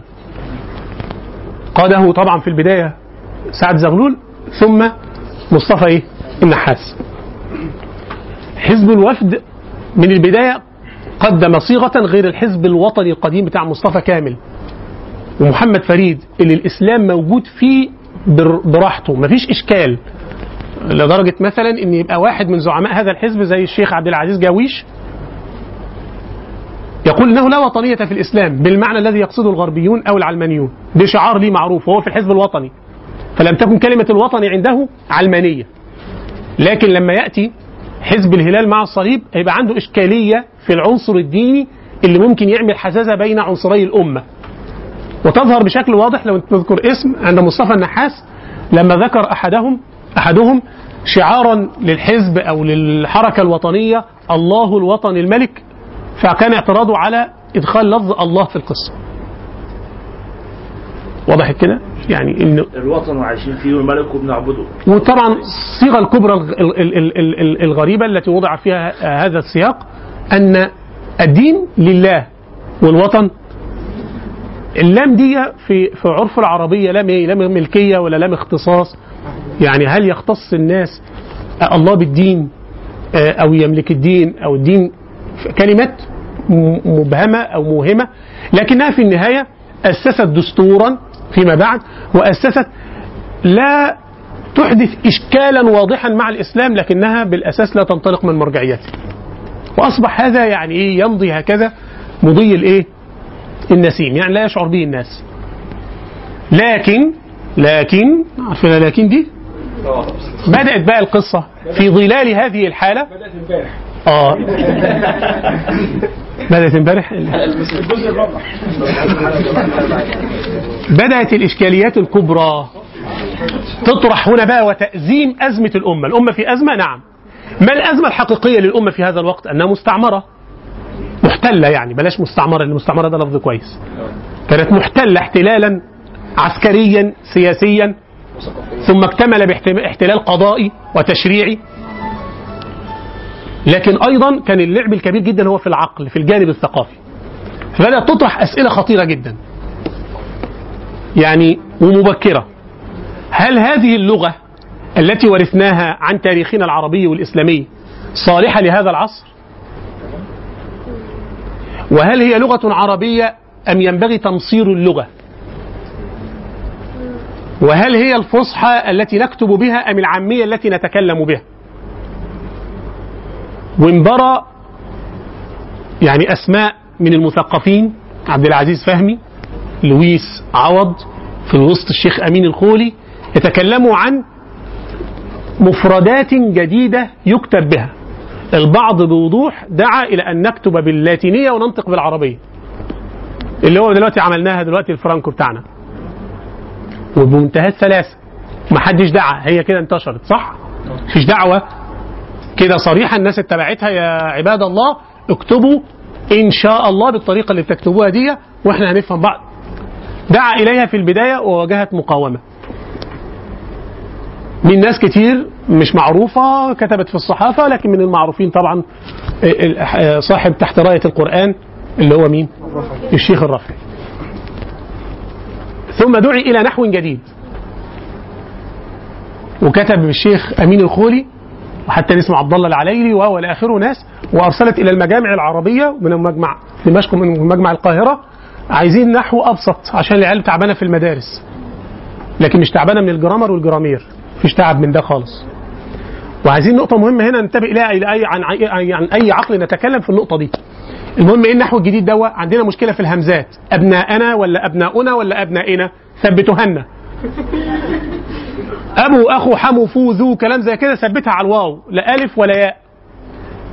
وإن دي يروح بقى يجيب إيه؟ آراء. إما شاذة أو آراء مرجوحة جدا وضعيفة أو لغة ولهجة عربية. بتثبت ذلك ويقول تعالى نعممها. زي الدعوات دلوقتي إلى إنها تبقى قراءة واحدة في القرآن. تقوليش ورش بقى ولا تقول لي الدوري ولا الكلام زي كده. وخلينا مين المشهور في العالم العربي والإسلامي؟ حفص. يبقى حفص. عن مين عن عاصم. خلاص خلصنا كده. تقولش قراءة. الدعوات دي لها تاريخ. هي نفس الدعوات دي دعيت من قبل. في هذا الوقت دعي إلى تلحين القرآن على العود. وأقيمت آه تجارب.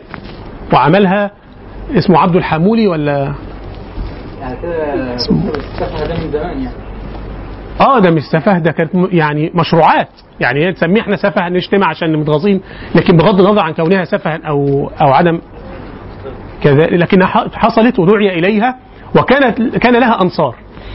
هنا قلت إشارة إلى اي عن أي عقل نتكلم، نحن نتكلم غالبا عن العقل المثقف. ولكن مع الوقت يتحول هذا العقل المثقف إلى العقل الإيه؟ آه، العقل الناس العاديين العقل العادي. عدم المقاومة بيعطي شعورا الجانب النفسي والجانب ال- ال- ال- ال- ال- اللاواعي ولا شعور عند الناس بأن هذا الأمر طبيعي. فكانت الناس في مطلع القرن العشرين تقاوم الإنجليز وتعلم أبنائها اللغة الإنجليزية. فمين اللي قبض على سعد ونفيه مثلا إلى جزيرة مالطا ولا غيره؟ الإنجليز. وإحنا بننزل الشارع نقول إيه؟ سعد سعد يحيى إيه؟ سعد. طيب وكمال ابن السيد أحمد عبد الجواد جاي بيتعلم إيه؟ آه بيتعلم بالإنجليزية وكويس إنه شاطر في الإنجليزية علشان كمان يبقى مستخدم كويس في ال ال ال الوزارات أو الحكومة. في هذا الوقت بقى ال- القوة اشتدت أكتر إلى قراءة الإسلام. هنا بقى تعالوا بقى الأزمة الكبرى في العقل الإيه؟ العلماني. قراءة الإسلام نبدأ كده واقعا وأمة وتاريخا. وتراثا علميا وسنة وكتابا وايمانا الأف- أركان الإيمان على أرضية المناهج الغربية. الدعوه الكبرى للعلمانيه التي أزمت العقل العربي والمسلم هي إعادة قراءة حالنا حالنا وماضينا وثقافتنا الراهنة وجذورها. بس يقولوا كده. عايزين نعمل إعادة قراءة. نقدية عقلانية لنتسوق مع الواقع لنواكب التقدم لننافس غيرنا. علامة ستقرأ على أي أرض بأي عين ستنظر إلى هذا التراث. هذه عمل بها وغالبا ما كانش حد بيصرح بها بوضوح. على سبيل المثال الشيخ أمين الخولي. الشيخ أمين الخولي. شيخ دعا في تحريره لمادة التفسير في موسوعة أو دائرة المعارف الإسلامية البريطانية. دائرة المعارف الإسلامية اللي عملتها مين؟ بريطانيا. وهي من أهم الموارد العلمية اللي بيعتمد عليها المستشرقون الجدد والمتغربة وحتى كثير جدا من الباحثين الإسلاميين.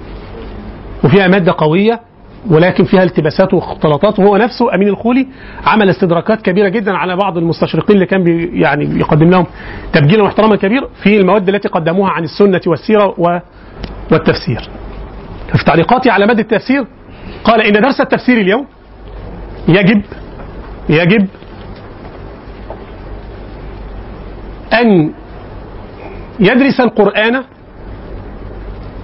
كما تدرس الأمم عيون وأمهات كتب- كتبها. بغض النظر عن أي اعتبار ديني. الجملة ممكن تعدي. وفعلا عدت على ناس كتير جدا من الأرض. أمين الخولي لأنه بعد كده بيقول كلام حلو وكويس وإلى آخره. لكن التدقيق في مشروع أمين الخولي إن إزالة الاعتبار الديني يعني إزالة القدسية. طب وإيه يعني؟ كويس مفيش مشاكل. تزال القدسية لو أنت عايز تحدد موقفك من هل هو كتاب الله أو لا. لا أنا مش هحدد الموقف ده أنا هدرسه سواء كتاب الله أو غير كتاب الله وبما إني لن سأغض الطرف عن أي اعتبار ديني فأنا سأعتبره مش كتاب الله. طب الكلام ده ممكن يبقى تأويل لكلامه. لا. أشرف على رسالة الدكتوراه للدكتور محمد أحمد خلف الله في أواخر الأربعينات وكانت بعنوان الفن القصصي في القرآن. وأقيمت عليها الدنيا ولم تقعد. ليه؟ لأنه اللي, اللي يعني مش عاجبه أو عنده رغبة في كما قال بالنص قتل القديم فهما. شفتوا الكلام الجميل؟ قتل القديم بس إيه؟ فهما. حد يعترض؟ آه هتنطرد. عايز يقتل فهما عايز يفهمه كويس. وهو كان شيخ يعني فاهم. طب هتعمل إيه؟ والله في نظريات أدبية معاصرة بتقول بإن الروايات لها أهداف وأغراض وبالتالي القصص القرآني لا يلزم أن يكون حقيقة. ما الثابت وما المتغير؟ الثابت نظريات ألسنية وأدبية حديثة لم تثبت ثبوتا نهائيا عند أصحابها؟ تؤخذ بقى عشان نعرف طريقة الفكر العلماني إزاي. تؤخذ باعتبارها ثوابت ومسلمات وقادرة على دراسة أي شيء يعني عالمية وإنسانية.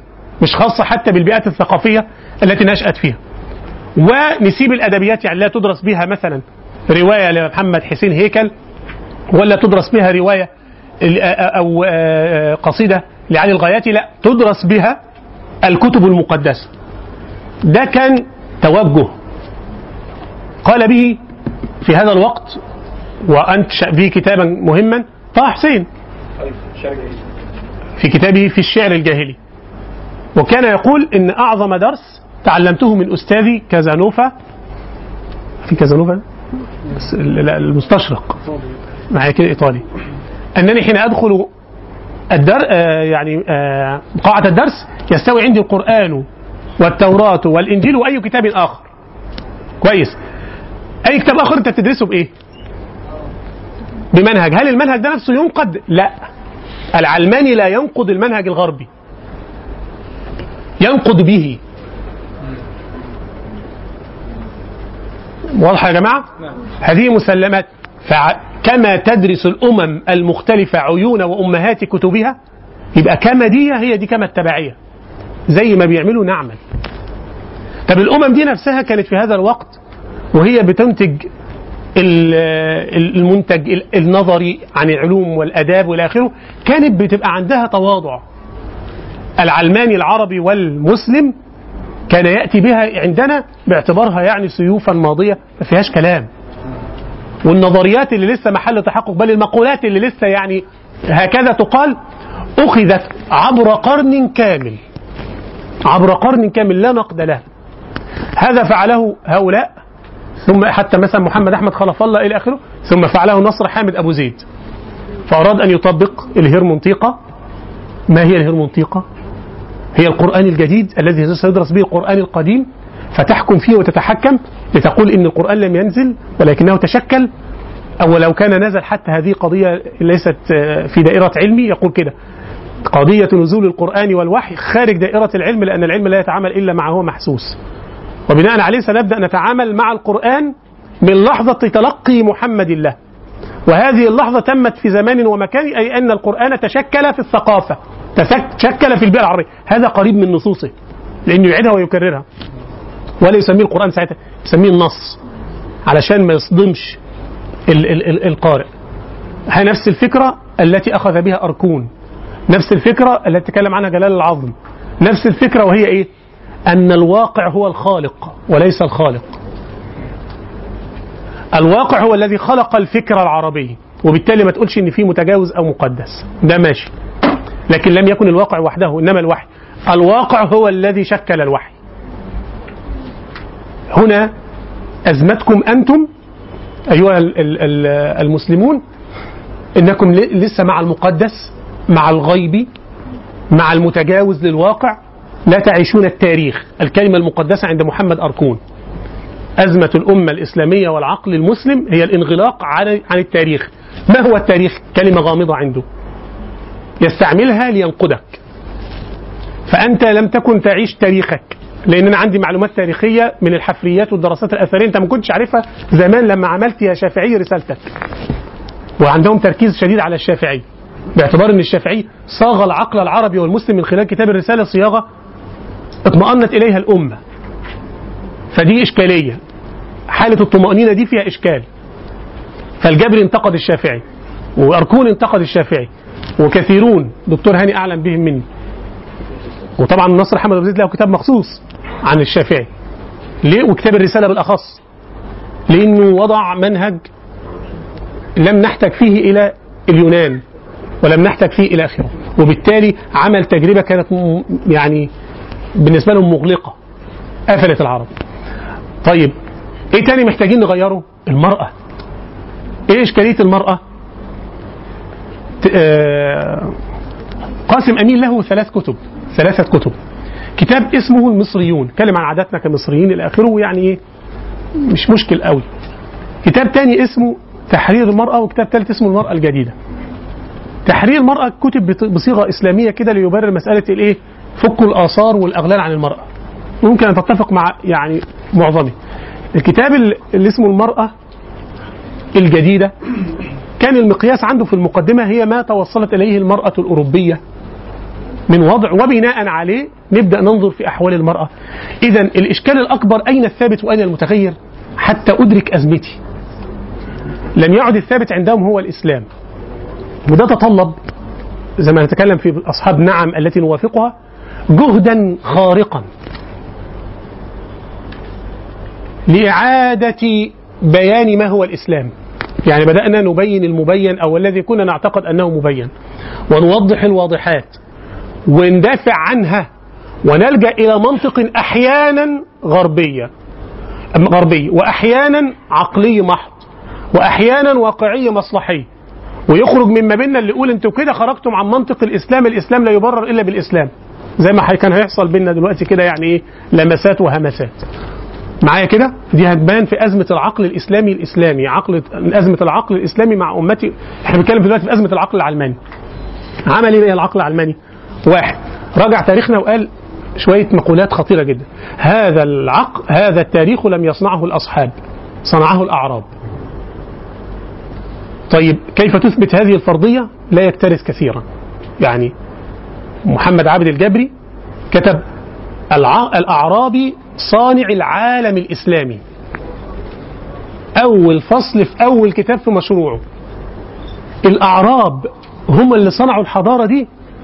يعني الأعراب هم اللي صنعوا البخاري ومسلم وأبي حنيفة الأفغاني. عارفين أبو حنيفة أفغاني ولا لأ؟ آه كان أفغاني تصور بس ما كانش متطرف. كانش طلباني. كان حنفي. الإمام أبو حنيفة كان حنفيا. فهو الإمام مسلم منين؟ نيسابور صح؟ آه. آه خراسان. نيسابور شمالها الإمام الرازي ده أو منين ولا الإمام حتى الأئمة المتأخرين دول معنى العروبة والاعرابيه كان انتهى مع الحضارة الإسلامية بشكل يعني أو خفت جدا. والنبي صلى الله عليه وسلم كان يعني عمل عليه حرزا اتعرب بعد الهجرة. يعني منع من الانتقال إلى البادية بعد الانتقال إلى المدن والحضر قصة هو لا يأتي على ذلك هو ينتقي. انظروا من الذي صنع المعجم. الاصمعي كان بيروح فين؟ البادية. اذا الأعرابي هو صانع ال- ال- العالم الإسلامي. هذا التعميم. أو إنه يعمل بلوى. فبيتكلم عن العقل السياسي العربي. مين العقل السياسي العربي؟ العقل السياسي العربي قصة كبيرة جدا. سواء على سبيل التأصيل أو التفعيل على سبيل الكتب أو على سبيل ال ال ال الح- الواقع ونماذج الحكم إلى آخره والإمارات والدويلات اللي نشأ قصة لا نجيب المواردي الإمام أبو الحسن المواردي نعم؟ هو مش سامع بالصوت أصلا صوت أنا اللي شغال. والله؟ طيب. يعمل إيه بقى مع المواردي؟ المواردي له ستة كتب في السياسة. هو جاب كتاب واحد. الكتاب الواحد ده من 20 باب. هو يجيب باب واحد. الباب ده 35 صفحة هو يجيب خمس صفحات. الخمس صفحات دول فيهم خمس صفحات. آه، 20 سطر في كل واحدة. هو ينتقي منهم حوالي آه، عشرة أسطر أو يزيد قليلا. وعلى هذا العقل السياسي العربي. يبقى انطباع أكثر منه اطلاع. وتعميم غير كامل التأصيل. ولا يبنى على استقراء حقيقي. دكتور محمد عابد الجبري ده كان في كتابه تكوين العقل العربي ويقصد به تاريخ التكوين. الكتاب الثاني كان اسمه بنية العقل العربي عايزين نشرحه بقى. هو العقل ده جواه إيه؟ فقال جواه بنية عرفانية شغل الصوفية والإيه؟ والعالم الروحاني ده. وبنية بيانية شغل اللغويين هم دول يشكلوا العقل العربي من خلال اللغة لأن اللغة لها منطق. كان عليها صراع كبير جدا ما بين ال- ال- اللغويين والأصوليين إلى آخره. والثالث يبقى برهاني آه، قصدي آه، عرفاني وبياني وبرهاني المناطق والفلاسفة. الكندي والفارابي وابن سينا حتى ابن رشد. إيه القصة بقى؟ هو ده العقل العربي. مين ده العقل العربي؟ الثلاثة دول يشكلوا عقل الناس شكلوا عقل الناس اللي أنتجوا الحضارة منهم أطباء وصيادلة ومنهم آه، رياضيين كانوا البيانيين والبرهانيين والعرفانيين هم شكلوها أين الفقيه؟ مين اللي بيشكل حالة اجتماعية؟ اللغوي الإشراقي يعني حتى مش الصوفي العادي. الصوفي الإشراقي اللي هو يعني قاعد مع درجة من درجات التهويم وبيوصل إلى الباطنية والغنوصيه ولا ال- المناطق والفلاسفة هم اللي شكلوا طب عدي لي عددهم كده ده الشهرستاني شد حلو قوي جاب 20 اسم وما شرحش منهم غير اثنين لأن الباقيين كان مجاهيل وهو ما جابش حد منهم ولما جاب منهم برضه بطريقة اللقطات قرأ الفارابي لقطات والكندي آه، لقطات؟ وعمل آه، حتى لما أعاد إنتاج كتاب ابن رشد اللي هو فصل المقال فيما بين إيه؟ الشريعة والحكمة إيه؟ ما خدش باله كلمة اتصال خد باله من الفصل. لأن العلماني فصلاني بيحاول يفصل ودي النقطة اللي أختم بيها. ودي اللي عملت الأزمة الكبرى عند العقل العلماني والحمد لله كانت حائلا بينهم وبين أن يتسربوا بقوة إلى عقول الناس. أقفل؟ خلاص. أنا بالظبط كده يعني خمس دقايق وأختم. وما انتبهش إلى عقل الفقيه من الذي يشكل الحياة الاجتماعية؟ من الطلاق إلى إلى إلى إلى. حين بقى حين ذهب إلى الفقيه قرأه قراءة المستشرق باعتبار واحد كده شخص كده مستبد بالتشريع. وده قراءة غريبة جدا. مين إمتى الأمة اتبعت فقيها؟ ولا حتى الأئمة الأربعة متبعين إلا بمدارس. يعني هو مالك كده طوله متبع ولا مالك له تلاميذه والشافعي له تلاميذه والتلاميذ لهم تلاميذ ولولا هؤلاء ما قضي في قضاء ولا أفتي في فتية ولا اتلخبط الناس في الحلال والحرام وده ما حصلش.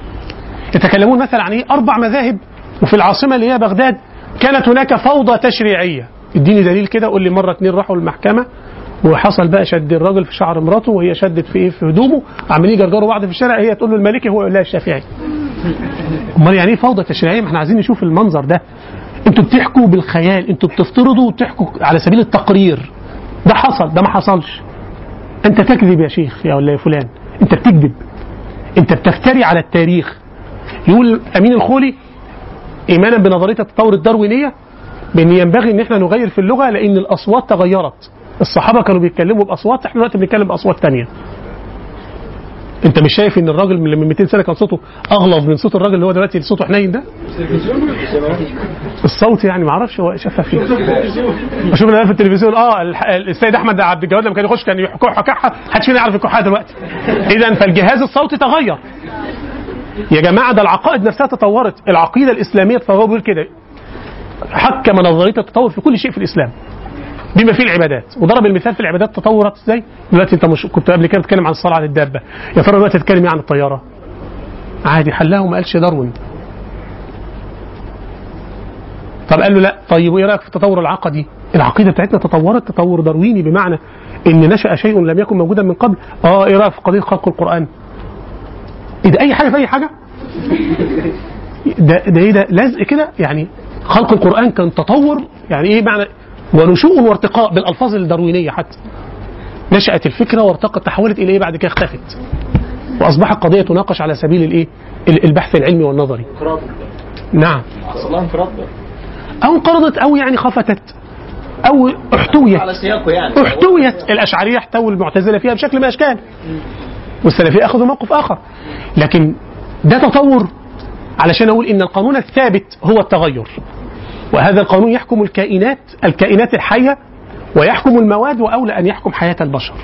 ومن ثم أريد أن أطبقه على الدين فالعقيدة تطورت ومن ثم درس التفسير لابد أن يتطور. يلا نطوره.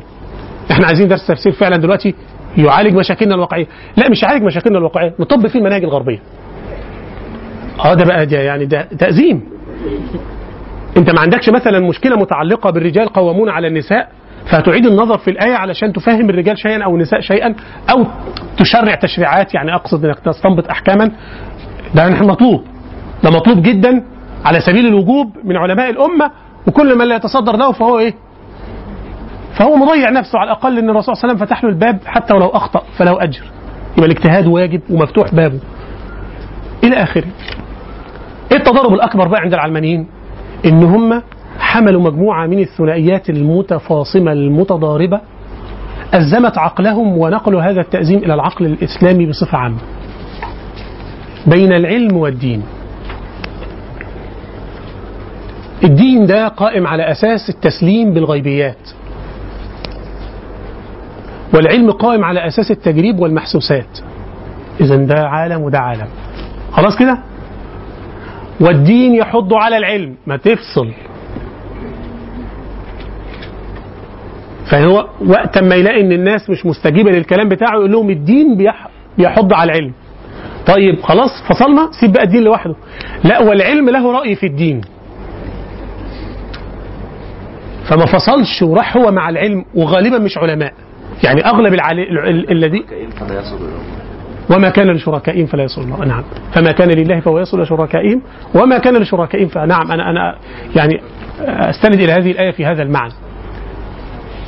النقطة الأولى النقدي الناقد هو في المفاهيم ناقل. تفتح الكتاب كده في مقدماته في تعريف المفاهيم تجد القاموس الغربي إنجليزي أو فرنسي أو غيره. هو اللي سائد أو ماركسي. ويأخذها مأخذ المسلمات. يعني محمد عابد الجابر لما جه يعرف العقل ما عرفهوش بالتعريف العربي مع إنه جابه بس عدى عليه. العقل العربي بيعنى بإن العقل خلي بالنا بقى مفهوم العقل. يعقل الإنسان يعني يحجزه عن الهوى يخليه يستقيم. العقل هناك لا قضية متعلقة بالريزون والتسبيب متعلق بعالم الأشياء. في فارق. هت- هتاخد مين بقى عشان تدرس العقل العربي؟ هاخد المفهوم الغربي. إيه موقفه بقى من التسبيب وإيه موقفه من الحتميات وإيه موقفه من كذا؟ اللي هي أسئلة غربية في كلامه هو. وأشار إليها في المقدمات نفس الكلام أركون. أركون بيقول إيه بقى؟ مشروع أركون. عامل كتاب كده اسمه نحو نقد العقل الإسلامي. هتعمل إيه بقى؟ نحو. ده مسيرة ومشروع. قال أنا قعدت عليه 30 سنة. عايز إيه؟ عايز كل ما أنتجه العقل الحديث. اللي بيسميه دلوقتي فيما بعد الحداثة العقل الجديد المنبثق الصاعد. أي حاجة. أنا ما بحبش كلمة ما بعد الحداثة. آه أمال إيه اللي بعد الحداثه هم بيقولوا ما بعد الحداثة وده معناه إن هيخلينا قاعدين في الغرب. ودينا على الشرق هتقولي بقى أقول إن العقل اللي موجود دلوقتي في العالم هو العقل الجديد الصاعد المنبثق أو المنبثق الصاعد. طيب العقل ده بيقول إيه بقى؟ بيقول يا جماعة؟ إن كل ما أنتجه العقل دوت في الأنثروبولوجي في الإبستمولوجي في ال axiology في كله في ال philology وهم بيحبوا كلمة ال philology قوي اللي هو فكرة الأدي... ال- ال- ال- اللغة المقارنة. إن يدخل كلماتنا في كلمات غيرنا. مالها دي؟ ده لابد أن يدرس به التراث والفكر الإسلامي. هو ده مشروعي. إن أنا أجمع كل المادة دي وأدخل بيها كحقيبة أدوات منهجية أفكك بيها هذا العقل وابين البلاوي اللي عملها أئمة الإسلام دول وضيعوا هذا العقل وخلوه عقل سماه محمد عابد الجابري مستقيل. استقال قديما واستقال اليوم. يعني ما ارتبطش بالواقع. وده كلام يعني غلاة المستشرقين ما بيقولوهوش. ومع ذلك بيعتبر نفسه المدافع الأكبر عن هذا العقل. ضد هؤلاء المغرقين وشتايم.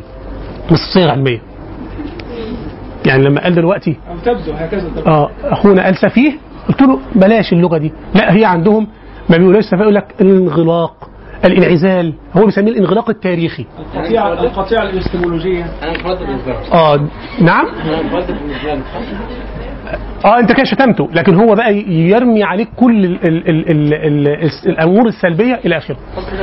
فالدين والعلم الدين والعقل إيه القصة مرة تانية الدين غيبيات والعقل مع الواقع. في بقى خلاص كده الإشكال؟ آه. طب وبعدين؟ سيب بقى الدين في حاله؟ لا. لازم الإسلام العقلاني زي ما كتب أحمد محمد سالم وبيراجع تجربه أمين الخولي. لا. الدين ما نسيبوش الدين الدين لازم تاني يدخل في هذا العقل. اللي هو إيه؟ لما أنتوا بتعرفوا العقل. اللي هو مرة تانية ما أنتجه الفكر الغربي. قالها بقى طه حسين كده. قال إنه في كتابه آه مستقبل الثقافة في مصر. قال إن ما فيش حل غير أن نتبعهم نتبع ما فعلته أوروبا حلوة ها ومره. وفي قال إيه تاني كمان؟ خيره وشره. كله. إزاي دي؟ مين مين في الدنيا؟ هذا كلام دين. يعني تؤمن بالقدر خيره وشره؟ تتقال في الدين. أنا هختم. بس بسرعة أقول كده بسرعة الثنائيات كده. اللي آه. تلاحظ في الفكر العلماني. واحد الكلمات إذا عرفت فتعريفاتها نهائية. ورغم إن تسميتها مش دينية مش مفترض إنه مش مؤمن بالمقدسات. وده الحمد لله أضعفهم لأن كل واحد له تعريفه. وبيقدس تعريفه. وما بيركموش على بعض في التعريفات. لو ده عرف العقل لو ده عرف الدين لو ده عرف العلم لو ده عرف التقدم إلى آخره. ورب العالمين يقول إن هي إلا أسماء. سميتموها أنتم وآباؤكم. ما أنزل الله بها من سلطان. فالعبرة إن إحنا لابد يكون للكلمات والمفاهيم سلطان وحجة. أزمة الشعور بالهزيمة الحضارية. حكاها مرة الدكتور جلال أمين قدام عينيا كده. قال أنا من من أخذت عيونهم أو أخذ عيونهم بريق الحضارة الغربية. وعشان كده هو اللي كتب بعد كده التنوير الزائف وهو لسه يساري لا إسلامي ولا غيره حتى حتى اللحظة. الدكتور جلال أمين وهو اللي كتب خرافة التقدم. وبيقول إن أنتوا ضحكتم علينا. وإحنا ضحكنا على نفسينا. دول أصحاب الهزيمة الحضارية وأفضل ناس تجيب منهم الكلام عن الهزيمة الحضارية من يسمون بالعائدين. فترة السبعينات ظهر فيها أقطاب علمانية كبيرة في العالم الإسلامي مش في مصر بس إحنا حافظين بتوع مصر. تحولوا مش إلى مسلمين ولا إلى ناس راضية بالإسلام إلى قيادات الفكر الإسلامي. هؤلاء حين تقرأهم يفككون لك الشغلانة الماركسية والعلمانية ومحاولات مركزه الإسلام اللي كانت بتتم في الأربعينات والخمسينات وال- والستينات. زي الدكتور محمد عمارة. زي المستشار البشري زي الدكتور عبد الوهاب المسيري. آه، يعني كمال المجد طول عمره إسلامي إسلامي بنفس النوعية اللي هو فيها ونفس الكلام الدكتور العون نعم؟ سيد قطب سيد قطب بس يعني ما قارنش. سيد قطب يعني إيه؟ آه آه، عمل ثورة على هذا الفكر وفككه تفكيكا خطيرا وكان من ضمن التفكيكات اللي قالها هو وبيجوفيتش وعلي شريعتي يا جماعة إنهم لا ينتجون فكرا. ثلاثة دول قالوا الكلام ده وبالاخص تحت عنوان دين ضد الدين لعلي شريعتي. بيقولوا فيها إيه؟ ما ينتجونه دين يحولون القداسة من الإله إلى أفكارهم بين قوسين إلى الغرب. ال- إيه الحل أمام الهزيمه الحضاريه كلنا شاهدنا الهزيمه الحضاريه هم كان عندهم حلين. يا الاستسلام لهذه الهزيمه يا مقاومتها. هتقاومها إزاي؟ شوف الاقتباس محمد عبد الجبري وغيره صها الغرب هو الداء والدواء. طب الحمد لله عرفنا إن الغرب هو الداء. بيستعمرنا هو الدواء نجيب منه الثقافة اللي هنتقدم بها إحنا إيه؟ هذا البلاء. إحنا البلاء. صح والله أنا كاتبها كده يا سيدنا. أنا كاتبها زي ما حضرتك قلتها. إحنا بقى البلاء. آه يعني هو هو كده كتب كده في كتابه إشكالية التراث والحداثة. إيه؟ الغرب هو الداء والدواء. تلك هي معضلاتنا أو مشكلاتنا. طب وإحنا إيه؟ مش مهم. إحنا معطى كده عدى في التاريخ. إحنا الوعاء اللي هيتصب فيه الكلام اللي هنقوله. إحنا مش كائن حي كده موجود على الأرض في يوم من الأيام كان ينير الدنيا بلاش يسود الدنيا وي وي وي ويعلو على الدنيا ولكن كان ينير الدنيا. وهم الغربيين المنصفين كلهم بيقولوا إن ما تبقى من نور الإسلام هو اللي تحركنا به ال- بدل الإسلام لله بقى الإسلام للغرب مفاهيمه زي ما قلت القاموس الفكري هو هو. أختم خلاص. طيب. طيب. آه هنكمل إن شاء الله. نكمل المحاضره الجايه ان شاء الله. طيب الله المستعان. طيب القديم. طب أقول لهم بسرعة يا جماعة المقولات دي معلش يا سيدنا أختم بيها. خلاص أنا حتى مش لاقي الباقي بتاعتها فين. واحد الغرب هو الداء والدواء زي ما قلنا. ونحن البلاء زي ما قال الشيخ أنس. يعني إحنا مريض بغيض مستعصي على العلاج. رقم اثنين الداء قديم قدم الإسلام. الكلام ده صريح عند أركون. وعند كثيرين وعند محمد ناصر حامد أبو زيد أو غيره. القران كان فيه إشكالية في نزوله وجمعه وإلى آخره. آه، اللغة أصبحت أداة انفصال وبالتالي لازم نعيد تغييرها. مش أداة اتصال لأن الفصحى والعامية وهذه الأمور لا تغيرها. المرجعية الجديدة هي الواقع بس مش أي واقع. الواقع الغربي وده مين أحسن ناس واحد ناقش المقولة دي. المستشار طارق البشري في كتاب لي اسمه ماهية المعاصرة. بيقول لك لازم يبقى عصري. فقال لي يعني إيه العصر؟ فعمل كتاب اسمه ماهية المعاصرة مهم قوي اثنين ادعاء علمية ما هو نظري وما هو مقولة إنه علمي ومنهجي وحقيقة وثابت. التناقض اللي حصل لهم اللي أشار اليه ما بين التبعية السياسية اللي هي إن بلادنا محتلة والمفروض ندافع عنها وبين التبعية الثقافية اللي كانوا بيفخروا بها زي أكبر مثال على كده كان يعيش هذه الضيلمه ويحكي عنها كان أحمد لطفي السيد أستاذ الجيل العلماني. الدعوه الأنسنة والعولمة والعالمية لكل ما هو غربي. بياخدوا على إنه عالمي مش غربي ما بيقولش كلمة غربي. العلماني لا يحرص على كلمة غربي. تقديس الفلسفة غير المقدسة. يعني الأس... الأساس هو ضد المقدس لكن بعد شوية غير المقدس اللي هو الغربي ده تحول إلى مقدس ومرجعي وإلى م- ومرجعية بيعمل لك تناقض كبير جدا ما بين مقولتي زي ما بيعملهم جابر عصفور بين ثقافة التخلف وتخلف الثقافة. نحن نعيش تخلفا في ثقافتنا. هقول لك لا أنت مش بتعيش تخلف في ثقافتك. معايا كده أنت ثقافتك نفسها اللي متخلفة. يعني نحن متخلفون عن ثقافتنا. مش عارفينها أصلا. يعني اللي بينقدها ده أنت عارف؟ يعني في حاجات بنشاور عليها والناس عارفاها. درست دينك حتى؟ مش تخلف كثقافة يعني. نعم. يناقش التخلف كثقافة. بيناقش التخلف كثقافة. هو ليه كتاب بهذا العنوان؟ ثقافة التخلف. تكريس التجزئة بين وحدتين. يعني الأمة كانت أمة إسلامية فقالوا إحنا عايزين نعمل وحدة. يعني إسلامية؟ لا وحدة عربية. لأن في تركيا وفي فارسية. المفهوم القومي ده مفهوم إيه؟ أنت بتقاوم الغرب؟ ما هو مفهوم غربي. طيب لا. نفس القوميين دول هم في نفس الوقت كانوا دعاة قطريين. جمعوا بين التناقضين دول. وكانوا يحيوا الوطنية، الوطنية ضد إيه؟ ضد دخول العنصر الديني حتى لا يفصل بين عناصر الأمة، الأمة إيه اللي هي الأمة؟ لا بقت الأمة اللي هي القطرية. حالة من حالات الأزمة الفكرية الضخمة جدا مرة كتير قلنا في الأدب علم السياسة كرس الاستبداد وبره الاستعمار، علم السياسة العربي هو علم الاستبداد. وكان الكواكبي واضح جدا في أول سطر في كتابه نحتاج إلى علم سياسة يقاوم الاستبداد فتم استيراد علم السياسة في بلادهم يصنع الحريات وعندنا يصنع الاستبداد علوم الاجتماع والاقتصاد هي دلوقتي بتعترف بإنها وقعت في ورطة كبيرة جدا لما اخذت بنظرية سمتها نظرية التحديث وهي فيها فكرة التفعيل. يعني أنتم متخلفين وإحنا نحدثكم. الغرب تخلى عنها في الستينيات وإحنا تخلوا عنها بدأوا يتخلوا عنها في إيه؟ في الألفية الجديدة. آه، بيتجو بيتجاهلوا أو أحيانا يقاوموا واحيانا ينحروا. الغرب إذا تدين. يعني لو في في الغرب صيحات دينية يهاجموا عليها أو يتجاهلوها. لأن ده هتدي ال- ال- ال- ال- ال- الاله. الاله بيتكلم باسم الدين دلوقتي فدي مشكلة. بالتالي صعود مقولات القيم والثقافة والأخلاق في تغي يعني مع يعني تغييب أو انتظار النسخة العلمانية من الأخلاق والقيم. علشان تبقى هي اللي نعرف نتكلم بيها.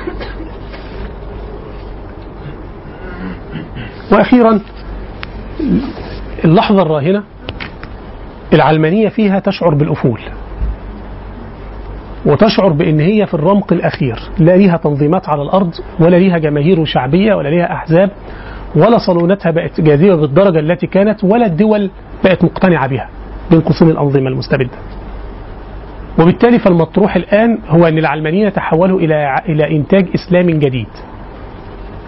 بدل ما نبقى علمانيين بقى وطالما الإسلام اللي هو بدا يتحرك على الأرض بين قوسين يسموه ال- الإسلام السياسي ده لابد إنه يزال. فلن يزال إلا بإسلام آخر وده المشروع اللي سائد الآن وهو ده الأزمة الحقيقية أمام الفكر الإسلامي الراهن اللي لو بقى لقاء آخر إن شاء الله نتعرض ليها. جزاكم الله خيرا وآسف على الإطالة.